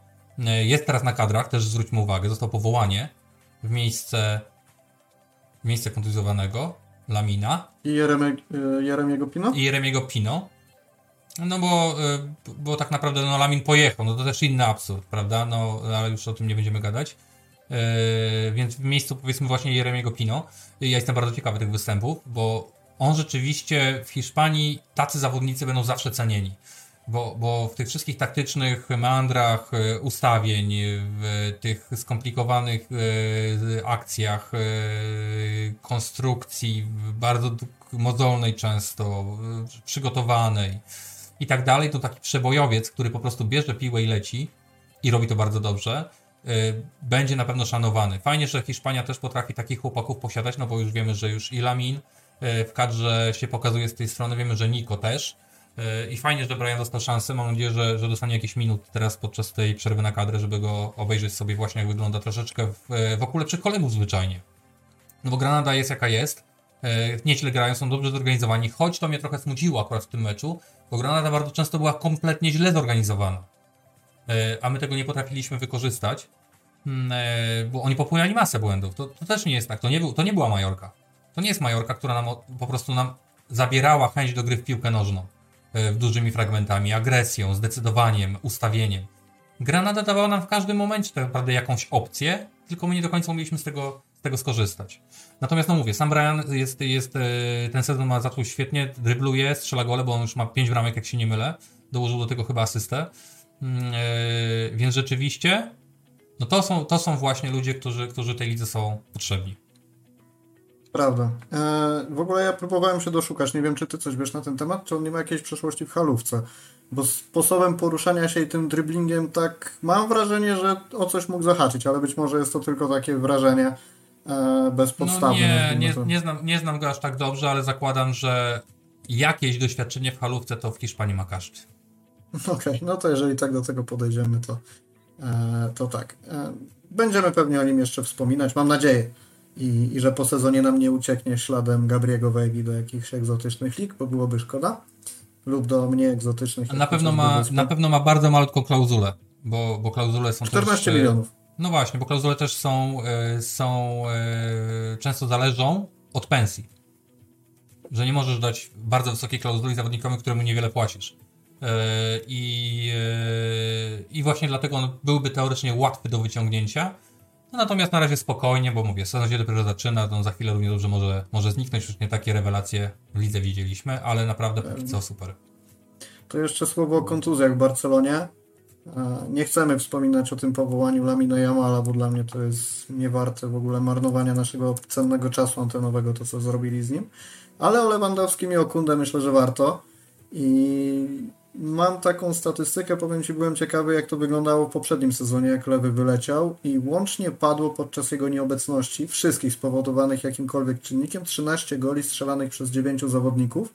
Natomiast tam były te mecze, które nazwijmy to możemy ocenić jako te, w których Lewy teoretycznie byłby nieprzydatny, czyli było to Intercity w Pucharze Króla, i było to, była to Wiktoria Pilsno w Lidze Mistrzów w momencie, kiedy już wiedzieliśmy, że nie wychodzimy z grupy. I odejmując te dwa mecze, czyli zostawiając te, w których lewy naprawdę byłby przydatny, to gole strzelali Rafinha, e, dwa razy strzelał Pedri, raz Dembele i raz był samobój Militao. Pięć takich meczów, pięć wygranych po 1 do 0. I trochę mnie to martwiło przed meczem z Granadą, bo żaden z tych piłkarzy nie był dostępny. Wiemy, że Rafinha jest kontuzjowany, Pedri kontuzjowany, a Dembele jest już poza środowiskiem. No mieli to, wiadomo. I okazuje się, że Lamine Yamal potrafi strzelić bramkę, Sergi Roberto potrafi strzelić bramkę, więc gdzieś ci zawodnicy odnajdują się, którzy ewentualnie teoretycznie mogą lewego zastąpić. I pytanie, jaki to będzie problem dla Barcelony, tak naprawdę nieobecność lewego przez te kilka spotkań? No będzie to problem przede wszystkim dlatego, że no przynajmniej na ten moment Ferran nie wchodzi w buty lewego. E, I to nie chodzi o zdobywanie goli tylko i wyłącznie, ale w ogóle o poruszanie się, o styl, e, o pełnienie roli odpowiedniej na boisku. I, i no, póki, póki nie ma Roberta, to, to będzie ciężko w ogóle, bo trzeba bazować no, na tym, na czym my na razie bazować nie bardzo umiemy, czyli, czyli na kreatywności, na technice, na grze z pierwszej piłki, na przygotowanych akcjach przede wszystkim. No bo ja wiem, już też tysiąc razy rozmawiane było. E, natomiast no, my nawet nie wykorzystujemy tych opcji, które nam się nadarzają, bo na przykład w meczu z Granadą było kilka takich sytuacji, w których Joao Felix wychodził jako pierwszy z piłką i zaraz po minięciu połowy Barcelony, wchodząc na, na połowę rywala, on się musiał niemal zatrzymać, bo nikt za nim nie szedł. E, I kiedy nie ma tej dziewiątki, która powinna już być trochę wyżej, do grania chociażby, żeby chociaż tą piłkę przegrać, zmienić pozycję, ruszyć się, troszeczkę rozciągnąć i tak dalej, no to bardzo smutne dla mnie było, że lewa strona Granady, która była E, no powiedzmy sobie tak sobie, i tam jeszcze zawodnik miał żółtą kartkę od jakiegoś czasu, e, w ogóle nie było takiego połączenia Felix Balde. To znaczy, kiedy Felix wychodził z tą piłką, a nie robił tego na wielkiej szybkości, tylko tak w swoim charakterystycznym, dosyć dynamicznie, natomiast no, rozglądając się na różne strony. I, I, bardzo, bardzo smutno się oglądało taki fakt, że jeżeli mamy zawodnika Alejandro Balde, który, yy, no nie oszukujmy się, na ten moment dla nas to jest zawodnik, który jego, e, jego najlepsze cechy to są cechy motoryczne. No nie, nie, nie róbmy z niego jakiegoś taktyka, nie ma co udawać wielkiej techniki yy, czy wielkiej inteligencji boiskowej, bo on na razie jeszcze taki nie jest. On na razie bazuje, bazuje na swojej szybkości, na dynamice i, i my z tego nie w ogóle nie korzystamy, rozumiesz? Jeżeli jedno dobre zagranie Felixa mogłoby takiego Baldę uruchomić i otworzyć mu całe skrzydło, bo on jest szybszy od większości swoich rywali, no od, granaty, od każdego będzie szybszy. Wiadomo, że znajdą się szybcy na niego. Natomiast no nie w takiej granadzie i my tego kompletnie nie potrafimy wykorzystać. To znaczy w ogóle nie próbujemy wyjść szybko z tą piłką, mając takiego dynamita, który tak naprawdę do niczego innego nam w tym momencie się nie przydaje. No oczywiście zaliczył asystę, super, bo, bo ważne jest to, że, że on też punktuje, yy, dla niego też. Yy, no gdzieś mam wrażenie, że nie wykorzystujemy tych swoich naturalnych opcji, to znaczy nie wykorzystujemy najlepiej zawodników pod, pod, yy, patrząc na ich faktyczne umiejętności yy, i te najmocniejsze strony, E, a gdzieś próbujemy cały czas robić coś na jakąś tam modłę e, tego, co byśmy robili, kiedy mielibyśmy wszystkich zdrowych, no ale nie mamy. No to jest ten problem. Znowu e, próbujemy trwać te same rozwiązania, posiadając kompletnie innych zawodników na boisku. No i kiedy już właśnie nie ma Pedriego, nie ma Frankiego, zostaje tylko ten Gundo tak naprawdę do tej, do tej kreacji rozgrywania no to ja bym sobie właśnie życzył, żeby, żeby Barcelona potrafiła wykorzystywać swoje przewagi, a szybkość Baldy jest na pewno przewagą nad większością zespołów, z którymi się spotykamy. Yy, I ciągle na niego narzekamy, tylko że jeżeli mamy zawodnika, który potrzebuje miejsca, potrzebuje przestrzeni, a my nie sprawiamy, że nasza gra tą przestrzeń tworzy dla niego, no to my po prostu nie umiemy takiego zawodnika wykorzystać. Więc yy, to tak jakby się na Messiego skarżyć, że, że nie zdobywa dużo bramek głową na przykład, prawda? Po dośrodkowaniach. No, Dlaczego nie zdobywa? No bo ma 1,50 w kapeluszu. Logiczne. E, I to jest trochę tak samo. Dlaczego Walden nie w, w, niskim bloku nie potrafi sobie poradzić, nie potrafi zagrać lepszej piłki, nie potrafi dać jakiegoś e, konkretu? Nie, nie potrafi, bo do tej pory charakteryzował się tylko tą motoryką, tylko tą szybkością, tylko tą dynamiką.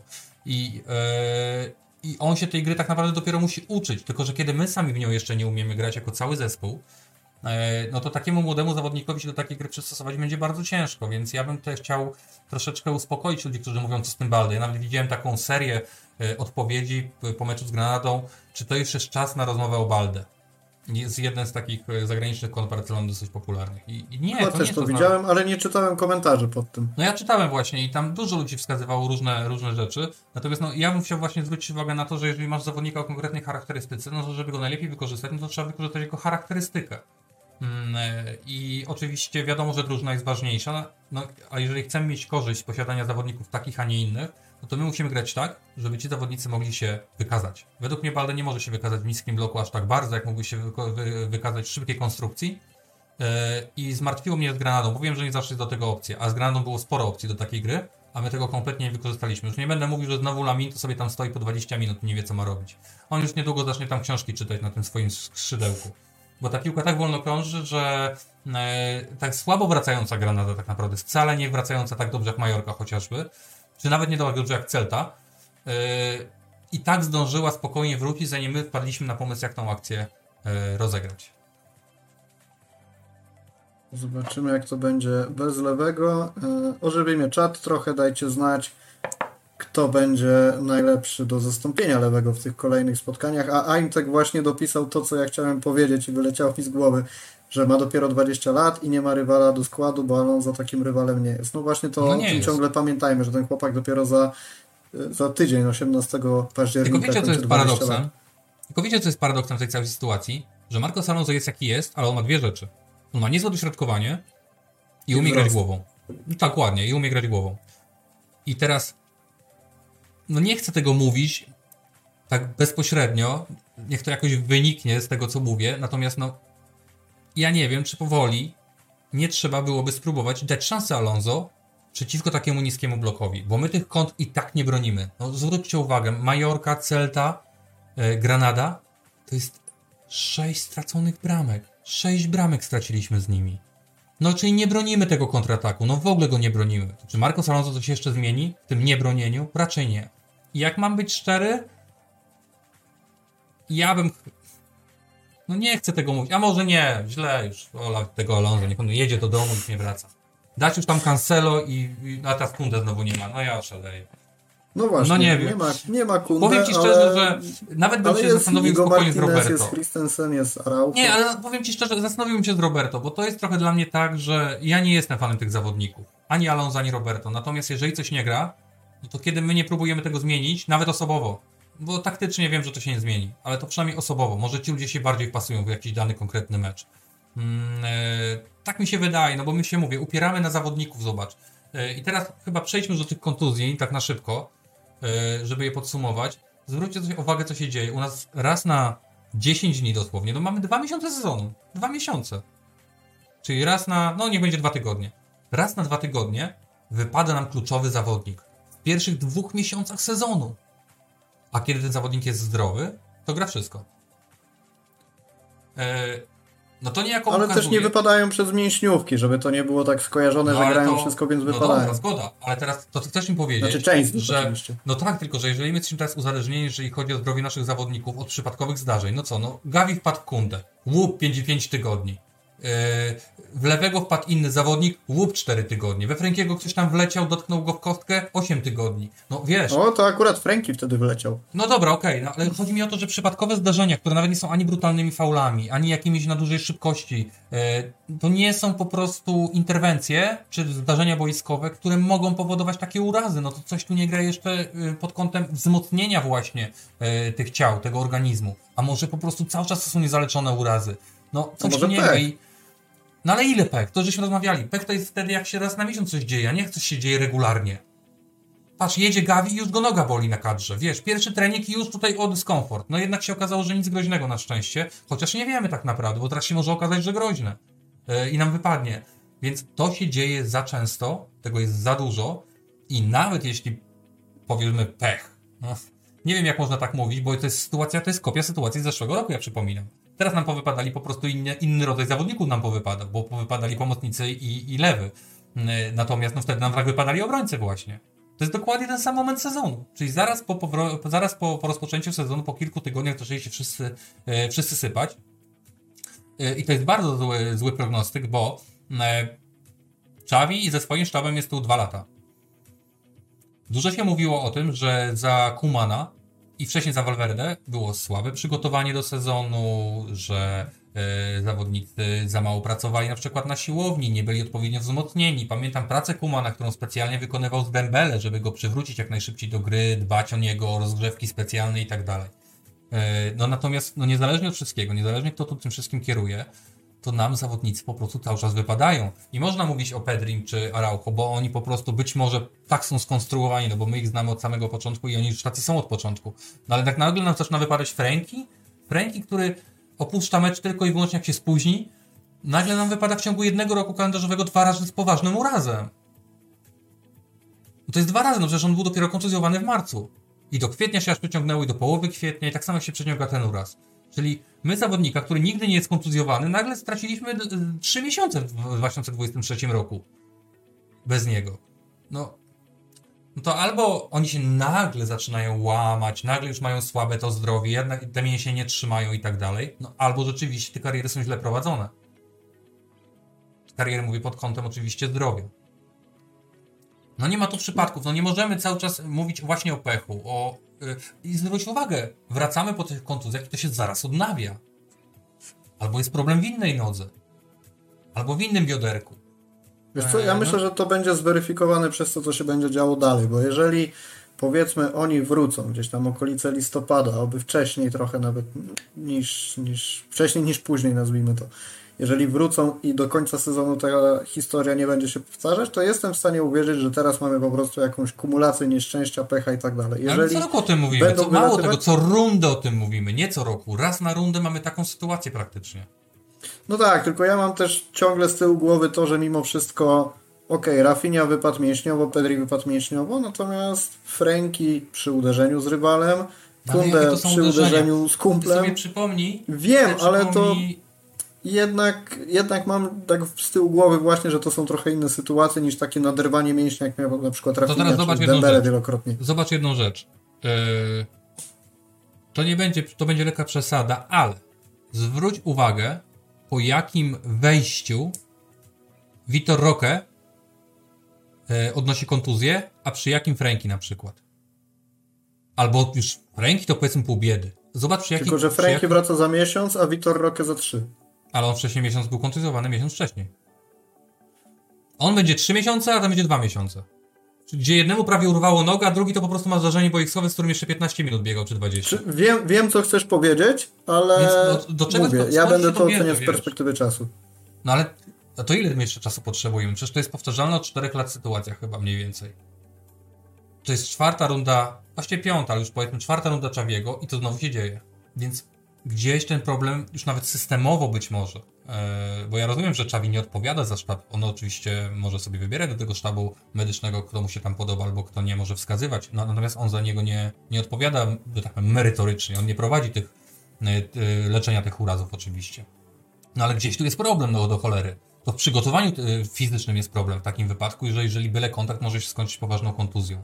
Jeżeli Rafinha źle postawił nogę i już wypada na dłuższy czas Prawda? No bo przecież pamiętajmy, że Rafini to się w ogóle wydarzyło, przecież jak piłkę chciał sięgnąć. To się wszystko zdarza, tylko nam się zdarza za często. Zamykamy Barcelonę, bo przed nami jeszcze kilka tematów spoza Barcelony. E, to co? Myślę Mendy Bar, taka jedna z najgorętszych rzeczy, która wydarzyła się w ostatnim czasie i powiem Ci, sprawdzałem sobie znowu źródło Transfermarkt, jak to wyglądało w przypadku Sewilli, jak wymieniała tych trenerów. E, pod kątem nawet bardziej sprawdzenia tego, co w, Barce co w osiągnął Mendy Bar i tak dalej. Natomiast rzuciło mi się w oczy ciekawa rzecz, znowu kończyk ciekawostek, od Manolo Jimeneza, który nie pracuje w Sewilli od marca 2010 roku. Sevilla miała 15 trenerów i tylko 3 kadencje trwały co najmniej 50 meczów. Tak jest. I nie wiem, powiem Ci, nie wiem czemu mnie to tak uderzyło, bo musiałbym to pewnie porównać sobie z innymi klubami z Ligi Hiszpańskiej, tymi, które dosyć często zwalniają trenerów, ale mam wrażenie, że jednak ta rotacja w Sewilli na ławce jest dosyć częsta przez te ostatnie tam, nazwijmy to 13 lat. I ja nawet powiem Ci, yy, dwóch ostatnich trenerów, czyli Jose Luis Mendilibar i, i Jorge Sampaoli, rozegrali 30, 30 około 30 meczów, 31-30 meczów, zdobywając w nich średnio 1,45 i 1,47 punkta. Czyli no nie jest to coś, co przemawia za tym, żeby ich zostawić na tej ławce. I teraz tak. Co do zatrudnienia obu tych panów, były gigantyczne wątpliwości. O ile ja jeszcze w Mendilibarze widziałem jakąś opcję w danym tamtym momencie, kiedy Sevilla była naprawdę słaba, bo to był trener na słabe drużyny. I on potrafił tą Sevillę i wyciągnąć z tego, z tego marazmu yy, relegacji. No i przede wszystkim wygrał z nimi Puchar Europejski. Więc, więc no to wiadomo, to już jest konkret yy, i, pewnie, i pewnie większość drużyn by na taki konkret przystało w postaci Pucharu Europejskiego. Nawet Barcelona pewnie bardzo chętnie. E, e, no ale gdzieś widać, że w Sewilli planu nie ma. I powiem ci, że. Ale zatrudnienie... to właśnie po tym meczu z Romą się posypało. Bo mhm. po, meczu, po meczu z Romą mam to gdzieś. 12 e, meczów po spotkaniu z Romą, 5 porażek. Jedna wygrana z Las Palmas, potem dwa remisy, wygrana z Almerią, przegrana dwa remisy, czyli łącznie dwie wygrane, cztery remisy, sześć porażek. No po właśnie, samym meczu więc... z Romą. Czyli ta codzienność Sewilli, mimo tego, że ta, ta europejskie święta były dla nich udane, to, to codzienność Sewilli jest naprawdę smutna, nadal, mimo, mimo że drużyna i się wzmacnia.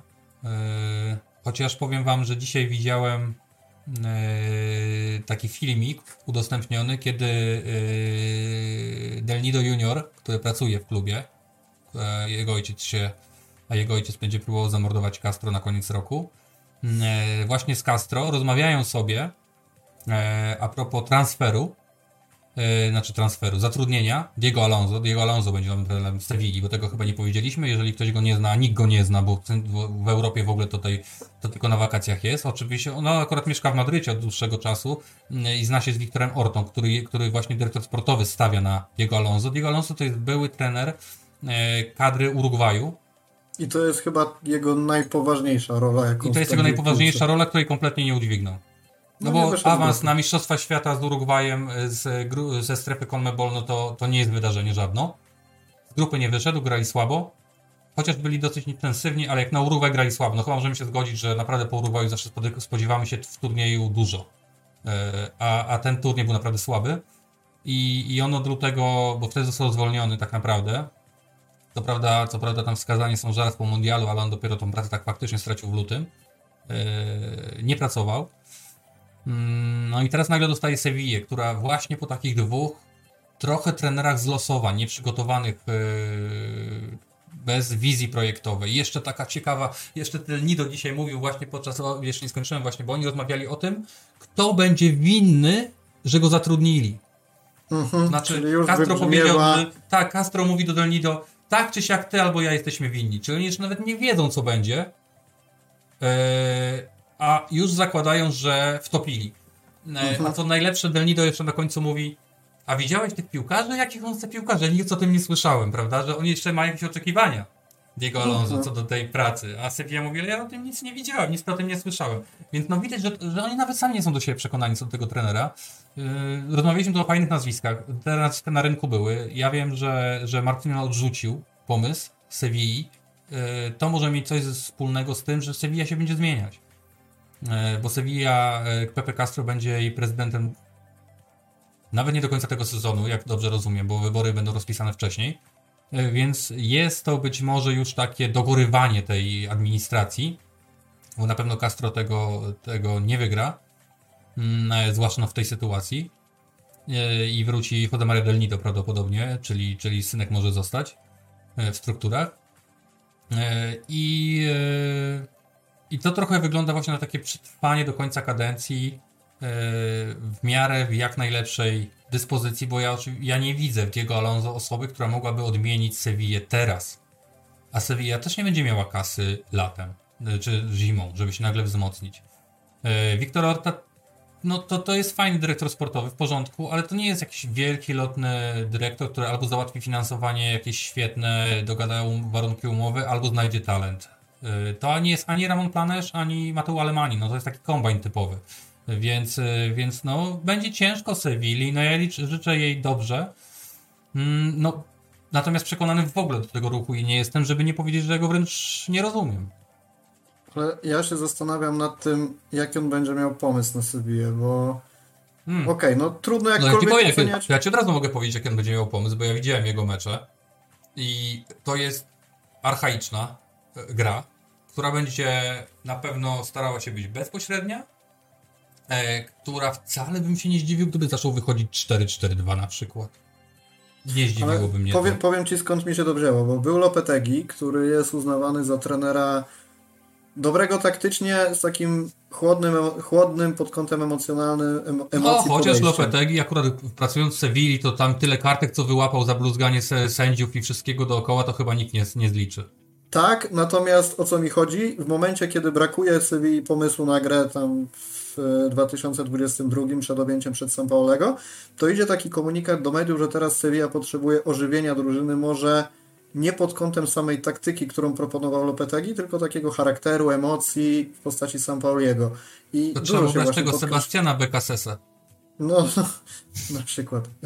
Ale, ale o tym się właśnie mówiło, że takie uderzenie w szatni, emocje, gra na wiesz, podbudowaniu tak, dla mnie i tak dalej. Ale potem po Sampaulim przychodzi znowu człowiek, zupełnie skrajny względem Sampaoliego. Mendilibar, który znowu nie będzie żadnym wizjonerem jak Sampaoli, tylko po prostu wykorzysta to, co ma w drużynie, postawi na jakieś najbardziej podstawowe atuty w zawodnikach, więc trochę wiesz, tak idzie to sinusoidalnie, jeżeli chodzi o podejście no, trenerów do drużyny, tutaj... więc pytanie, czy, sam, czy Diego Alonso nie będzie znowu takim odbiciem i odwrotem o 180 stopni.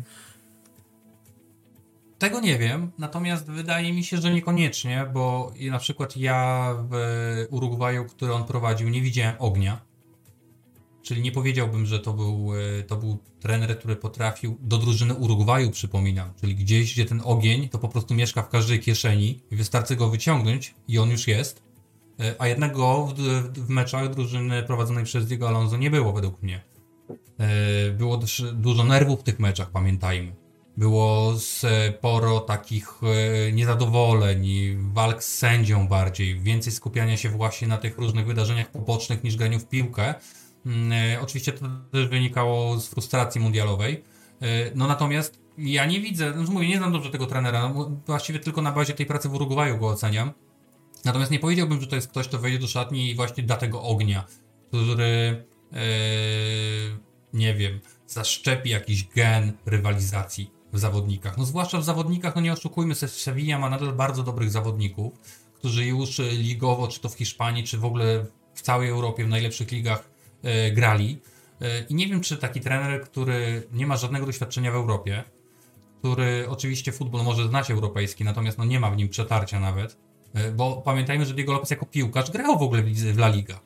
W słabszych zespołach typu, nie wiem, Malaga jakaś, coś tego typu. I on grał w La Liga słabych zespołów, więc on, więc on Hiszpanię zna. No, tylko no powątpiewam, że taki trener, który przynajmniej dla mnie nie ma wielkiego warsztatu taktycznego, nie będzie miał autorytetu wielkiego na pewno, e, no to, to trochę jest tak, że on teraz wchodzi do szatni, w której wydaje mi się, że prędzej e, Sergio Ramos będzie rządził niż trener. E, czy nawet Jesus no, to jest, to jest ciekawy aspekt. To jest ciekawe. No masz tam wysłużonych zawodników, Rakitic, no wiesz, no, właśnie o to chodzi, masz Nawasa, masz Rakiticza, masz właśnie Sergio Ramosa. E, no, jest tu sporo ludzi e, z autorytetem. Dlatego, dlatego, no nie wiem, zobaczymy. No, życzę im dobrze, zawsze życzę wszystkim dobrze, komu się nie układa. E, no ale nie wierzę w to póki co. No zobaczymy. No, myślę, że dopiero jakieś pierwsze tygodnie, miesiące nawet tej pracy będziemy mogli coś powiedzieć, ale jak potrenuję powyżej tego sezonu, to, to wydaje mi się, że to będzie sukces dla niego. Też tak myślę. Obserwujemy. Coliseum Alfonso Perez de Getafe zmienia nazwę. Usunęli Alfonso Perez po tym, jak e, sam Alfonso Perez rzucił kilka nieciekawych tekstów nawiązujących do afery związanej z piłkarkami reprezentacji Hiszpanii. Tam były takie teksty, że zobowiązałby mnie do pocałowania hiszpańskiej flagi, aby mieć pewność, że bronią koszulki swojego kraju z honorem i uczciwością. Kobieca piłka nożna ewolu ewoluowała, ale muszą twardo stąpać po ziemi i wiedzieć, że nie można ich w żadnym sensie zrównywać z piłkarzami. I w zasadzie chwilę po tych wypowiedziach nazwa Alfonso Perez z nazwy stadionu, nazwisko Alfonso Perez z nazwy stadionu zniknęło. Natomiast to, co w pierwszym momencie mnie się wydawało takim bardzo, po pierwsze, marketingowym zabiegiem, bo nie oszukujmy się, ale to jest takie pod publiczkę troszkę. E, po drugie, no też, jeżeli byłoby to gestem prawdziwym, to można to uznać za ładny gest. Natomiast są też takie informacje, że po prostu Hetafe chce pozyskać sponsora do nazwy stadionu. Tak, i, tak, i że to jest głównym powodem. dłuższego czasu. Hetafe szuka sponsora e, do nazwy stadionu od dłuższego czasu. To nie jest e, nowa wieść. E, I rzeczywiście wygodnie dla nich zbiegło się w czasie, że te szowinistyczne wypowiedzi Alfonso Pereza dały im takie narzędzie marketingowe, dajmy na to, czy, czy po prostu socjalne, żeby postawić się w lepszym świetle. No bo jak wiemy, światło na Hetafe zawsze mroczne. E, ja mogę też powiedzieć, że ostatnio po meczu Hetafe Celta Rafa Benitez tak się zapienił, że poleciał do sędziów, do piłkarzy i wszystkim rozpowiadał, że tak się nie da grać, że nie wolno tak robić, że niszczą futbol. To już nie jest pierwsze, bo to już i, i Niaki Williams już się spierał z Bordalasem, ścierał, e, no właściwie na każdym kroku to słyszymy i teraz Benitez po meczu z, z Celtą, zremisowanym zresztą, e, też nie wytrzymał, więc na Hetafe zawsze jest ciemne światło. Yy, no nie będę już znowu mówił o tym, że przed chwilą co yy, dali schronienie yy, zawodnikowi, który niemal uciekł z wysp, gdzie został obarczony oskarżeniami o znęcanie się nad kobietą, swoją kobietą. Gdzieś to zostało wszystko już zamiecione pod dywan, powycofywane i pozałatwiane gdzieś tam pod stołami, więc mo można to gdzieś na razie zostawić. Natomiast no nie oszukujmy się. Hetafe nie jest aż takie dobroduszne, żeby nagle zmieniać nazwę stadionu, bo gdyby tak było, to oni by na pewno od razu zmienili na jakąś nazwę. Bo Koliseum to żadna nazwa, jak wiem. A ja się nabrałem na to. Muszę ci się e, przyznać, tak? że w pierwszej chwili, jak to ja zobaczyłem ten czytałem, komunikat... że tego, znaczy w zeszłym miesiącu czytałem o tym, że oni nadal, że oni poszukują cały czas, bo ja wiedziałem, że oni poszukują od zeszłego roku już kogoś. I wydawało mi się cholera jasna, że po tej akcji z Greenwoodem że być może jakiś taki przebłysk rozsądku w tym klubie, no bo nie, nie oszukujmy się, że ta sytuacja, te dwie sytuacje mają wspólny mianownik, to znaczy nawiązanie do kobiet i że jakoś może to sobie połączyli, może jakoś chcą znaczy, z tego wiesz, wybrnąć. Po czym trafiam na informację, że to jest kwestia sponsora i mam takie, okej, okay, wszystko jasne, Hetafe znaczy, jest po prostu ale... Hetafe. Ale wiesz, oni sobie to jednak połączyli mimo wszystko, bo mogli na to nie reagować. Też pamiętajmy, że Alfonso Perez nie pierwszy raz się wypowiada w, te, w tym tonie. To też nie jest wypowiedź wczoraj tylko to już jest wypowiedź, która lata od jakiegoś czasu. Więc oni też wykorzystali sobie niejako też, żeby poprawić sobie swój wizerunek, wykorzystali tą sytuację i to w sumie dobrze dla nich tak naprawdę. No, za, za to, tak czy siak za tą reakcję należą się brawa i gratulacje, bo nie wolno promować ludzi, którzy tak e, mówią, czy, czy tak uważają nawet, zwłaszcza kiedy są ludźmi e, publicznymi, no, kiedy ludzie się liczą często z ich zdaniem. Mm, e, no ale też nie wolno gdzieś zapominać o tym, że Getafe tego sponsora od dłuższego czasu szuka i to też jest y, bardzo ważne, jeżeli chodzi o nazwę stadionu. Y, I na pewno ważniejsze niż ewentualnie taka wypowiedź właśnie Alfonso Pereza. Hmm, co do innych ciekawych rzeczy, które dzieją się w lidze hiszpańskiej, cztery remisy Rayo. Niesamowicie. Z Villarrealem 1 do 1, z Cadiz 0 do 0, Mallorca 2-2 i Sevilla 2-2 każdym z meczów, w którym e, padały bramkowe remisy, czyli poza Cadizem, Rayo pierwsze strzela gola. E, z Sevillą wręcz wychodzi na prowadzenie 2 do 0 i wszystkie cztery mecze kończą się jednym punktem. O co chodzi? I to, jest, i to jeszcze tak, że e, Sevilla ratuje remis tam w 97 minucie, gdzieś tam na sam koniec spotkania, żeby do wyniku 2-2 właśnie, a w następnej kolejce to Rajo ratuje z Majorką gdzieś tam w 95, 7, 8 minucie. Yy, bardzo dziwny jest to zespół, to Rajo, powiem wam. Yy, ja ich tak bacznie nie obserwowałem w tym sezonie. Trochę się zainteresowałem właśnie, jak zaczęli tak remisować, bo im nieźle idzie generalnie. Yy, czego się trochę nie spodziewałem. I na razie póki co bardzo fajnie wygląda, bardzo fajnie u nich wygląda Alvaro Garcia który chyba najlepiej punktuje tam u nich i cały czas e, przy tych remisach e, dokłada swoje cegiełki. E, ale tak naprawdę no, jest to taka drużyna, to jest taki typowy, typowa drużyna, taki typowy ligowy średniak, którego nie wolno z jednej strony lekceważyć, ale też nie, nie wolno się się go bać. Remisy. To już nie jest pierwszy sezon, gdzie Rajo jest mistrzem remisów. Ja mam wrażenie.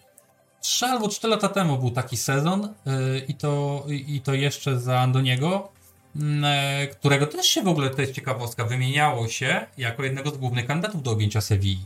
Bo jemu się tam w Bornemów nie, nie układa do końca, ale to, to było do przewidzenia tak naprawdę. No tutaj cudów może, można robić cuda, ale nie wszędzie. Yy, więc no, no co, no remisują sobie chłopaki, no są, są, są e, e, przygotowani na walkę, chcą grać w piłkę, to też jest fajne, że mimo tego, że sporo stracili w tym sezonie, nadal grają w piłkę. E, bardzo dobrze spisuje się Stroj Dimitriewski, mimo że te bramki wpadają rzeczywiście, to, to trzeba mu przyznać, że dużo akcji wyciąga, naprawdę dużo, mogą na niego liczyć z tyłu. Jest oczywiście e, Łysy Messi, czyli Easy Palason, który cały czas tą grą tą grą kieruje. Jest oczywiście Dany Trecho, e, Dany Trecho, Boże, Oskar Trecho, Oskar który, Trecho. Dany Trecho, ja już naprawdę, za długo znowu, zobacz jak długo. E, Oskar Trecho, który, jeśli się nie mylę, muszę teraz sprawdzić, żeby nie rąbnąć, oddał opaskę kapitańską, bo nie zgadza się... Nie wiem, nie wiem to chyba mam rację, bo, bo Oscar Trejo był y, kapitanem Rajo, ale oddał opaskę, bo nie zgadzał się z filozofią klubu. Takie mi się no, coś kiedyś nie, to zaraz sprawdzę, już jak skończymy, niech ktoś mnie poprawi, jeśli to nieprawda, ale wydaje mi się, że to dwa tygodnie temu była taka sytuacja. Nie do końca wiem, co tam, o co tam poszło, co tam, co tam zaszło między, między, między Trecho a, nie wiem, czy kolegami, czy, czy, czy, czy zarządem, czy może coś. No oczywiście wiemy, że na Rajo ciążą takie zarzuty E, które już są trochę, trochę starsze, ale rzeczywiście takich nie do końca, e, dajmy na to, etycznych i moralnych praktyk, jeżeli chodzi o wychowywanie młodzieży. E, był tam taki chłop, właśnie w futbolu młodzieżowym, który, który rzeczywiście no ja już nie dobrze pamiętam tą sprawę, ale rzeczywiście miał takie zarzuty, no nie będę mówił jakieś tam pedofilskie, ale generalnie gdzieś ocierało się to też niejako właśnie o, o takie oskarżenia. Więc może ma to związek jakoś tam na przykład z taką sytuacją, natomiast no, no, no taka sytuacja. To jak zweryfikujesz, jak zweryfikujesz, to tak. wrzucaj na Twittera do siebie. To wrzucimy na Twittera, to sprawdzę sobie później. Zapraszamy i czy kurczę, wiesz co, ja to Rajo pamiętam trochę z zeszłego sezonu, jak potrafiło wygrywać z Realem, potrafiło wygrywać z Barsą, z Villarrealem dwa wygrane mecze, remisy z Gironą, dwa z Atletico, z Barsą. Jak zobaczyłem te remisy takie z Majorką, z tym Cadizem, Kurczę, przypomniały mi się te mecze z Ale to jest taka sezonu. drużyna, która się umie organizować na mocnego rywala, a ma właśnie kłopot z tym średnim rywalem na przykład. E, zresztą Rajo, na zawsze w naszych sercach, bo to Rajo nam zwolniło e, Kumana, prawda? No, bardziej Rajo Memphis. do spółki z Depajem, tak. Rajo z Depajem do spółki. E, czyli Falcao, e, Memphis i to byli tacy, to byli, to oni wbijali te gwoździe do trumny Kumana. E, tak, no, dwa lata temu. E, kto nie pamięta, to chodzi o no to karnek. W sumie dwa lata temu mniej więcej było, Memphis e, prawda, o tej tak. porze roku. Tak, tak, tak, tak, tak. E, dokładnie. Swoją drogą widziałem ostatnio na Twitterze, czy teraz powinniśmy na Xie mówić, opinię, dlaczego Easy Palason e, nie jest powoływany do reprezentacji Hiszpanii i przez chwilę zacząłem się nad tym zastanawiać. Wydaje mi się, że to może być trochę case Iago Aspasa, to znaczy król własnego podwórka, który jest dobry gdzieś w niszy. Albo i Karamuniajna w jego przypadku bardziej. Karamuniajna? Dlaczego? No bo to właśnie taki zawodnik mi się kojarzy. Mały okay. lider swojego podwórka. Mhm. Do gry, do, do, do, do konstrukcji, do organizacji najważniejsza postać. Tak mi się jakoś skojarzą. No ja mam przebitkę na, na Iago Aspasa od razu, ale być może też Muniain. A dobra, niech ci będzie, że ten Muniain. Słaba forma Villarrealu. Kolejna drużyna, Słaba. którą sobie prześwietlimy. Dopiero dwie wygrane w tym sezonie z Majorką i z Almerią, 1 do 0 i 2 do 1. Sprawili co prawda kłopoty Barcelonie, ale porażki z Cadiz, z Las Palmas, z Gironą. No, z Gironą oddajemy honory, to nie jest żadne lekceważące wydarzenie w tym sezonie przegrać, natomiast no, też ten remis z Rajo, który wspomnieliśmy, remis z Hetafe, i co tu jest powodem? Czy, czy sam Villarreal jest problemem, czy problemem jest to, że zwolnili trenera, mimo tego, że Pacheta ma już 7 rozegranych meczów, czy rozegranych, rozegranych, przeprowadzonych meczów dla Villarrealu, to jednak to wszystko się układa jeszcze. Wiesz co, wydaje mi się, że to jest trochę, to jest trochę sytuacja, z której yy, będzie trzeba trochę wychodzić. Barcelona po Setienie też musiała wychodzić. Czekajcie, to znowu. Barcelona po Setienie też musiała wychodzić yy, z sytuacji. Bo nie wiem, czy mnie macie, czy mnie nie macie. Ja mam cię sfrizowanego. No właśnie, o. Ale już jest git. Yy, przepraszam, tutaj z, coś z komputerem, nieważne. I yy, to jest trochę tak, że Barcelona po Setienie też musiała trochę sprzątać. Yy, I trochę w takiej sytuacji jest teraz Paczeta. Oczywiście wiemy, że to jest najtrudniejsze wyzwanie w jego karierze. E, to na pewno są dla niego duże buty. Czy są za duże? To się dopiero okaże, bo już czytałem kilka opinii, że to są dla niego za duże buty. Według mnie trochę za wcześnie na takie, e, na takie wnioski. Zwłaszcza, że Villarreal gra. Nie gra źle generalnie. Ma bardzo słabe mecze, potrafi zagrać, ale potrafi zagrać też mecze dobre. I na przykład. Ja znalazłem dwa takie no poważne powody, wydaje mi się, ich e, kiepskich wyników w ostatnim czasie. Po pierwsze, są bardzo nieskuteczni. Mecze z Las Palmas i Gironą pokazały, jak oni bardzo są nieskuteczni. Mecz z Gironą Villarreal był lepszy, zwłaszcza w pierwszej połowie. Tworzył sobie bardzo dużo zagrożeń. E, oczywiście Girona swoje też miała, bo to, bo to jest dobra drużyna, natomiast Villarreal miał bardzo dużo okazji, których nie potrafił e, wykorzystać. Natomiast kiedy nie, nie, nie ma skuteczności, to dochodzi jeszcze jeden wariant, czynnik, czerwone kartki. Oni, rozumiesz, albo są nieskuteczni, albo zaczynają mecz z czerwoną kartką. No, czy dostają ją później, bo to Moreno dostał tam 70 kiedyś tam minucie. Natomiast jeżeli zaczynałem mecz z Hetafe i już pod, poddenerwowany Baena wylatuje na początku tego spotkania za uderzenie łokciem. Nie wiem, czy widziałeś taką scenę, jak on upadał z zawodnikiem Hetafe, już był tak rozzłoszczony, że jeszcze tak go łokciem dobił. Oczywiście słuszna czerwona kartka zasłużona, jak wiemy, Baena to jest... Dlaczego e, mnie za... nie dziwi, że to padło akurat na Baena?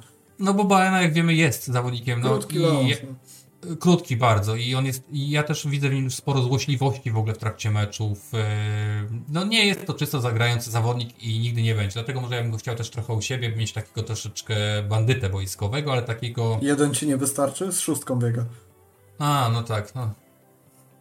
No co, patrzcie, jaki, patrzcie, no to teraz zobaczcie, jak Gavi wyleciał teraz w meczu sportu, jak wygląda bandytyzm tego Gaviego, kiedy wylatuje z boiska, no. No to, to tak była głupota, nie bandytyzm, nie oszukuję. Znaczy według mnie celowe zagranie. Może i sensowne nawet.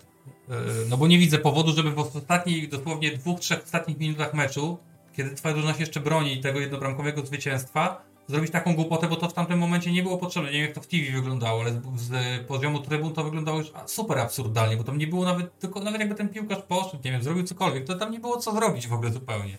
No więc to, to wydawało się głupota. bardzo absurdalne, więc głupota, natomiast no może niekoniecznie głupota. Wracając do Villarreal. Mm, e, no piękną bramkę strzelił teraz Gerard Moreno z Las Palmas, natomiast no znowu strzelił w 97 minucie, kiedy Las Palmas prowadziła 2-0. Wcześniej mieli całkiem dużo dobrych okazji i nie potrafili w ogóle trafić do bramki. E, no nie grają trochę chłopaki. No jest Solo. Solo strzela te bramki e, dosyć regularnie. To ty już Rafał pozdrowisz, wiesz, pozdrowisz w weekend, czy tam przed weekendem. E, I ten, i... KMWTW. tak, i, i więc tworzą sobie okazję. Brakuje im skuteczności albo po prostu biegają w dziesiątkę. Mm, nie wiem jak to się skończy. Wydaje mi się, że będą musieli e, w, letni, w zimowym okienku coś e, pomyśleć, e, bo według mnie na razie na pewno linia obrony, no to żeśmy o tym rozmawiali, kłopoty według mnie cały czas będzie miała, bo, bo tam po prostu brakuje takiego, no Raul Albiol po prostu nie może do końca życia ściągnąć za uszy w tej obronie. On też jest wiekowym facetem, też ma coraz więcej problemów zdrowotnych, coraz częściej musi grać w podstawowym składzie Aisa Mendy, który jest kompletnym no nie powiem nie sprzedali, sprzedali Pau Torresa, który jeżeli się nie mylę, to w poprzednim sezonie miał albo największą, albo drugą największą liczbę rozegranych minut w Villarreal. Tak jest. No tak, no bo ta para, bo ta para Albiol, e, bo ta para Albiol Torres funkcjonowała bardzo dobrze. Przecież szczerze była w ćwierćfinale Ligi Mistrzów, wygrywała Ligę Europy i funkcjonowała bardzo dobrze. Natomiast no, kiedy zabrało Pau Torresa i do pary, e, do pary z Albiolem, który też nie cały czas jest zdrowy, nie cały czas może grać, no mówię, no lata lecą, no to jeżeli masz do dyspozycji obrońców Aisa Mendiego, George'a i Mateo Gawie, który jest w klubie chwilę, bo według mnie chłopak fajny potencjał, natomiast no to jest dopiero tak, to jest, zresztą jest wypożyczone, więc też nie wiadomo jak będą w niego czas inwestować. Mm, e, no to wydaje mi się, że wzmocnienie środkowej, e, środka obrony jest bardzo ważne, bo im ciężko przychodzi strzelanie bramek, mimo że mają kim, bo nie mają tej skuteczności, i kiedy tracą bramkę, to bardzo ciężko im jest do takiego meczu wrócić. I na przykład ja wspomnę taki mecz, właśnie ten mecz, gdzie Bayerna wyleciał, to Hetafe gniotło ich niemożebnie po prostu, grające Villarreal w dziesiątkę. Ale gniotło ich tak naprawdę gniotło, że ja nie wiem, czy Villarreal miał chociaż jeden celny strzał w tym meczu. Ja nie wiem, czy on w ogóle miał trzy strzały w tym meczu, nawet niecelne. Więc mają sporo kłopotów na razie, natomiast mam wrażenie, że to się wszystko może odwrócić. Wystarczy jeden, drugi, trzeci dobry występ. No ale gdzieś brakuje tego, e, że nie zastąpiono jednak e, Czukfueze. Właśnie czekałem no, aż postawisz Pino, kropkę, żeby zapytać, czy to nie strata Chukwueze jest ważniejsza dla Villarealu niż Pau Torreso. No, zwłaszcza ten Chukwueze, zwłaszcza ten Chukwueze z sezonu poprzedniego. Gdzie on tak naprawdę odpalił tak naprawdę. Strzelający bramki, który, y, który strzela bramki i wygrywa pojedynki i jest dużo pewniejszy, jest konkretniejszy w swoim graniu, jest y, dużo bardziej przewidywalny dla swoich kolegów, y, a nie przewidywalny dla rywala oczywiście. Więc wtedy, kiedy ten Kwueze już naprawdę mu ten talent eksplodował, to oni go sprzedali, ale niestety nie zastąpili go żadnym talentem dodatkowym. No nie ma ja cały czas nie widzę Ramona Terazza tak naprawdę, na którego bardzo liczyłem. On został odkupiony po bardzo dobrym wypożyczeniu z Girony za grosik dosłownie, bo on chyba milion euro. Nie widać go na razie, no. Zobaczymy. No, Paszeta musi na razie, mam nadzieję, że ta przerwa, e, przerwa reprezentacyjna da mu chwilę, żeby mógł to sobie poukładać, bo ja nadal wierzę w Villarreal. E, akurat Liga Hiszpańska jest e, tak skonstruowana, że, że tu nie ma aż tylu liderów drużyn, że tak powiem, którzy, które pewnie zajmą miejsce tu albo gdzie indziej. Mm, e, i dosłownie 2-3 mecze mogą odwrócić całą tabelę do góry nogami. No może nie, nie sam top, ale na pewno miejsca pucharowe typu Liga Europy, Liga Konferencji, czy jakieś tam czwarte miejsce e, do Ligi Mistrzów, to bardzo szybko można to obrócić. To są dosłownie 2-3 mecze czasami. Więc liczę na to, że się, że się opamiętają i zaczną grać w piłkę lepiej, mm, bo mają na to potencjał, mają kim grać i, i, i chciałbym, żeby to, żeby to wykorzystywali, zwłaszcza, że wydaje mi się, że przy czy to jest możliwe zwyczajnie. Tyle chyba. No jeden jest tylko zespół, który można chwalić za ostatni okres. Tylko jeden zespół, który można chwalić za ostatni okres. To no, trzeba podejrzewam, że mówisz o zespole trzeba na literę G. Mm -mm. Nie, mamy nowy Nie. zespół, który zaczął wygrywać. Las Palmas. Las Palmas, mój drogi. Wrócił Mika Marmol, no i proszę bardzo. Co się dzieje? Wrócił Mika i do zwycięstwa. 4-4 ostatnie mecze i dostali w łeb tylko z Realem, no co wstydem żadnym nie jest ale wygrana z Granadą, wygrana z Celtą, wygrana z wspomnianym Villarrealem i oni są teraz na miejscu bodajże dziesiątym w tabeli. I właśnie o tym rozmawiamy, prawda? Byli najgorszą, najgorszą prawie drużyną ligi, gdzieś tam się snuli w okolicy strefy spadkowej, nagle dwa, trzy mecze lepsze i już, już są w środku tabeli tak naprawdę. Właśnie o tym Ale mówimy. Munir tam powiem Ci szarpie, jak sobie Munir szarpie, na mecze, w ogóle warto zaznaczyć. Na statystyki, kurczę, no tych strzałów no jednak oddanych najwięcej. Wiem, że to nie jest piłkarz z jakimś olbrzymim potencjałem i dla którego będziesz włączać mecze, ale w skali takiego Las Palmas, zwłaszcza w tych, e, w tych ostatnich spotkaniach, ciekawe. No, zwłaszcza, że warto zauważyć te, też, że to są mecze, zwłaszcza z Celtą i Villarreal, gdzie Las Palmas było lepsze. To nie jest taki mecz przepchnięty kolanem, wywalczony, gdzieś jeżdżący na tyłkach, wybijania piłek w końcówce w panice. Nie, nie, nie. To był mecz w którym oni byli po prostu lepsi od swojego rywala. A to już o czymś mówi. Bo widać, że Pimienta y, miał ciężkie bardzo początki. Jak ja te pierwsze mecze Las Palmas tego sezonu pamiętam, to, to wyglądało to no, w konstrukcji niby wszystko było w porządku, ale nie było żadnego pomysłu, jak to pchnąć do przodu. No teraz to się trochę zmienia i nie powiem, że teraz nie ma niestety Juliana, ale nie powiem, że, że Julian Araujo się do tego mocno nie przyczynił. Jednak posiadanie takiego chłopa na boku obrony, jak się okazało, dla takiego Las Palmas jest ważne. No teraz go będzie brakować przez chwilę. Natomiast, no, powiem Ci, że kilka meczów jego w Las Palmas dało mi realną wizję posiadania go jako backup na przykład. Bo też nie wiemy, jak będzie. Tym, że, że prawda? Nie wiemy, jak będzie z pieniędzmi i wcale bym się nie zdziwił, jeśli yy, tej kasy nie będzie, to będziemy musieli postawić i na Juliana Raucho, no i na Aleksa Waje. Waje, Waje, Wale. Aleksa Waje, który gra na wypożyczeniu w Levante yy, i spisuje się tam bardzo dobrze. Naprawdę bardzo dobrze się spisuje. Ja nie oglądałem, ja widziałem dosłownie półtora meczu jego, e, natomiast wygląda spoko. Wygląda fajnie, naprawdę utalentowany chłopak. I, i te, jeżeli tak dokończy ten sezon drugoligowy e, w Levante, no które wiemy, że też lubi grać ofensywnie, nie boi się tej ofensywy, no to może być ciekawy pomysł, żeby, żeby sprawdzić tego chłopaka e, na bazie backupu Balde, no pod warunkiem, że jesteśmy pewni, że Balde jest jedynką, bo to też mi się wydaje, że po tym sezonie to, to jeszcze może się wiele, wiele zobaczyć, wiele się zmienić. E, to wiesz co, zmierzając jeszcze do końca, e, tak jak Kubo wybrany piłkarzem miesiąca, Mm. Pamiętam, że był też nominowany Jude Bellingham i Robert Lewandowski, także Savio z Girony. Jedno nazwisko mi uciekło. Natomiast yy, koło tych czterech kręcił się wybór. Wiadomo dlaczego Bellingham, wiadomo dlaczego lewy. Ja Savio też był dosyć oczywisty. Wiesz, jeżeli lewy chodzi o Bellinghama za, nie, Bellinghama za wrzesień, to ja nie wiem dlaczego.